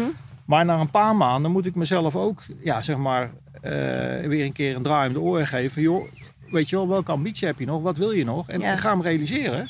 Want voor je het knipt met je vingers ben je tien jaar verder. Dan denk je, shit, dan ben je een verhaal aan het lezen. denk je, nou, dat had ik ook eigenlijk nog wel gewild. ja, want heeft je zoon eh, ook bergambities? Nou, niet, niet, hij is wel mee geweest nu met, eh met, met, met een Spanje en klimmen en dat soort Oh, dingen. Dus ik ja. probeer het wel bij te brengen. En canyoningen en, en, Ja, ja. en fietsen. Maar uit zichzelf, de generatie is nu natuurlijk heel ja, gemakzuchtig met dat gamen. En dat is, snap ik ook allemaal wel. Maar ik denk dat als je het er maar vroeg genoeg toch inbrengt, dat ook al vinden ze dat op dat moment misschien niet het leukste wat er is, dat het later toch wel weer terugkomt. Nou, kijk, eh, jij vertelt net waar het begon bij jou met je ouders. Ja. Ik, ik kijk terug op eh, met mijn ouders de bergen in. Wij nemen de kinderen mee en dus ook niet altijd, ja, weet je, als ze eenmaal lopen. ja. Maar dus, soms willen ze ook wel naar het zwembad. Maar als je Logisch. eenmaal loopt en je bent bezig, en het geeft straks wel een hele mooie herinnering. Zeker, dat denk zeker. ik wel. Nou ja, het grootste bewijs, en mijn zussen, die ik vertelde al, die vonden dat nooit zo, zo pretje. Die moesten dan mee, hè, tot een bepaalde Alpenhoogte. Nou, nu, nu doen ze het met hun eigen kinderen, weet je. cool. Om maar aan te geven van ja, is toch wel ontspannend, weet je wel. eh, Ja, ja. is toch wel leuk. En natuurlijk hoort dat zwembad er ook bij en al die andere dingen. Maar ja, het gaat toch weer een beetje om die balans. En het kan niet goed zijn als je uit school komt en alleen maar zit te gamen tot, eh, tot het avondeten. En, eh, maar dat is wel een uitdaging hoor. Dat, En nou ligt jouw hart natuurlijk echt in het hooggebergte. Als je nou mensen hebt die denken van nou, ik heb dit zo eens beluisterd. Ik moet ook eens naar die berg. Heb je nog een tip voor gewoon de gewone wandelaar Ja, ergens in Europa wat je, toegankelijk is? Zeker. Kijk, dat is ook het voordeel van corona. Dat heel veel mensen toch weer het wandelen hebben herontdekt, lijkt Ja. het wel. Ja, weet je, de sky is the limit. Dus ga gewoon eh, lekker wandelen. Ah, je krijgt hele leuke gesprekken. Ja, en als je meer ambitie wil, ja, ga in de heuvels wandelen, weet je wel. Ga naar, naar, we hebben in, eh, in eh, Limburg hebben we de Seven Summits, heet dat ook. Hè? Dus Oh. dus zeven toppers, 100 kilometer lang, drie, vier dagen lang. Oh, lopen. gaaf. Ja? Dus echt een hele, het is volgens mij de zwaarste tocht in. Nederland. Oh. Ja. ja, is ook nog niet zo nieuw, eh, niet zo oud. Het is geen... Maar je hebt natuurlijk het Pieterpad wat je in stukjes kan lopen. Maar ja, ik zelf ja, raak toch wel meer opgewonden gewoon van de bergen. Weet je wel. En dan hoef ik helemaal niet ver te lopen. Nee. Maar als ik gewoon weer in de heuvels ben. Ja, weet je, ik weet niet. Ik hoop echt dat ik met een oude man met een stok daar toch nog eh, strompelend op een bankje kan gaan zitten. En dan hoef ik echt alleen maar de bergen te aanschouwen. Ja, daar word ik, daar word ik gewoon heel, eh, heel gelukkig van. Nou, daar gaan we voor. Ja. Wilco, hartelijk bedankt. Graag gedaan. Misschien tenslotte nog even als mensen jou willen opzoeken of Ja. eh, berichtjes willen sturen. Jij Ja. noemde net je website, wil je nog even... Team Wilco, dus het Engelse woordje team. En dan Ja. Wilco met een C. Ja, .nl of Google en dan kom je op Twitter, eh, Instagram, LinkedIn. Ja, je bent lekker actief. En jij, eh, jij geeft lezingen ook. En, Ja. eh, en je bent voor bedrijven in te schakelen. Ja, Maar mensen kunnen je ook ondersteunen voor, voor jouw mooie project van de 248 Antarctica. ja, En, En ze kunnen eh, ook en alle eh, handjes worden dus ook geholpen, in welke zin Ja, dan ook. Dus, ja zeker. zeker. Ja. Nee, iedereen, eh, en, en anders probeer ik mensen wel weer door te verwijzen via mijn netwerk of zo. Weet je wel, van ik weet dat ze met mooie dingen bezig zijn. En je kunt ook altijd nog het, eh, het basiskamp verhu- huren. hè. Dus Oké, want dat is te huur voor wat? Ja, voor, voor particulieren, maar ook bedrijven. Maar het- Om te vergaderen, maar ook gewoon om te, overnachten? ook- ja, ja, nu zitten er bijvoorbeeld ook mensen in. Oh eh, ja, het die, is eh, eh, geweldig eh, comfortabel eh, Ja, basiskamp. Nou ja, dat is ook weer ontstaan door de corona. Want daarvoor was het inderdaad alleen maar ja, Basic zoals op. En nu, eh, ja, nu kun je het ook gewoon gebruiken als natuurhuisje. Dus, eh, Mooi. Ja. Nou, hartelijk bedankt voor het mooie gesprek. Heel, heel fijn. leuk. Heel leuk. Heerlijk, we zijn inmiddels lekker verbrand. Precies. Dankjewel. Leuk. Beste Wilco, heel hartelijk bedankt voor jouw fijne gesprek en ontvangst. En de inspiratie die je ons hebt gegeven. En beste luisteraar, heel fijn dat je erbij weer bij was. En hopelijk nog vele andere keren. Wil je meer weten over Wilco, over zijn lezingen, over zijn expedities en over de projecten die hij ook op het gebied van duurzaamheid doet? Ga dan naar zijn website teamwilco.nl. En Wilco is geschreven met een C.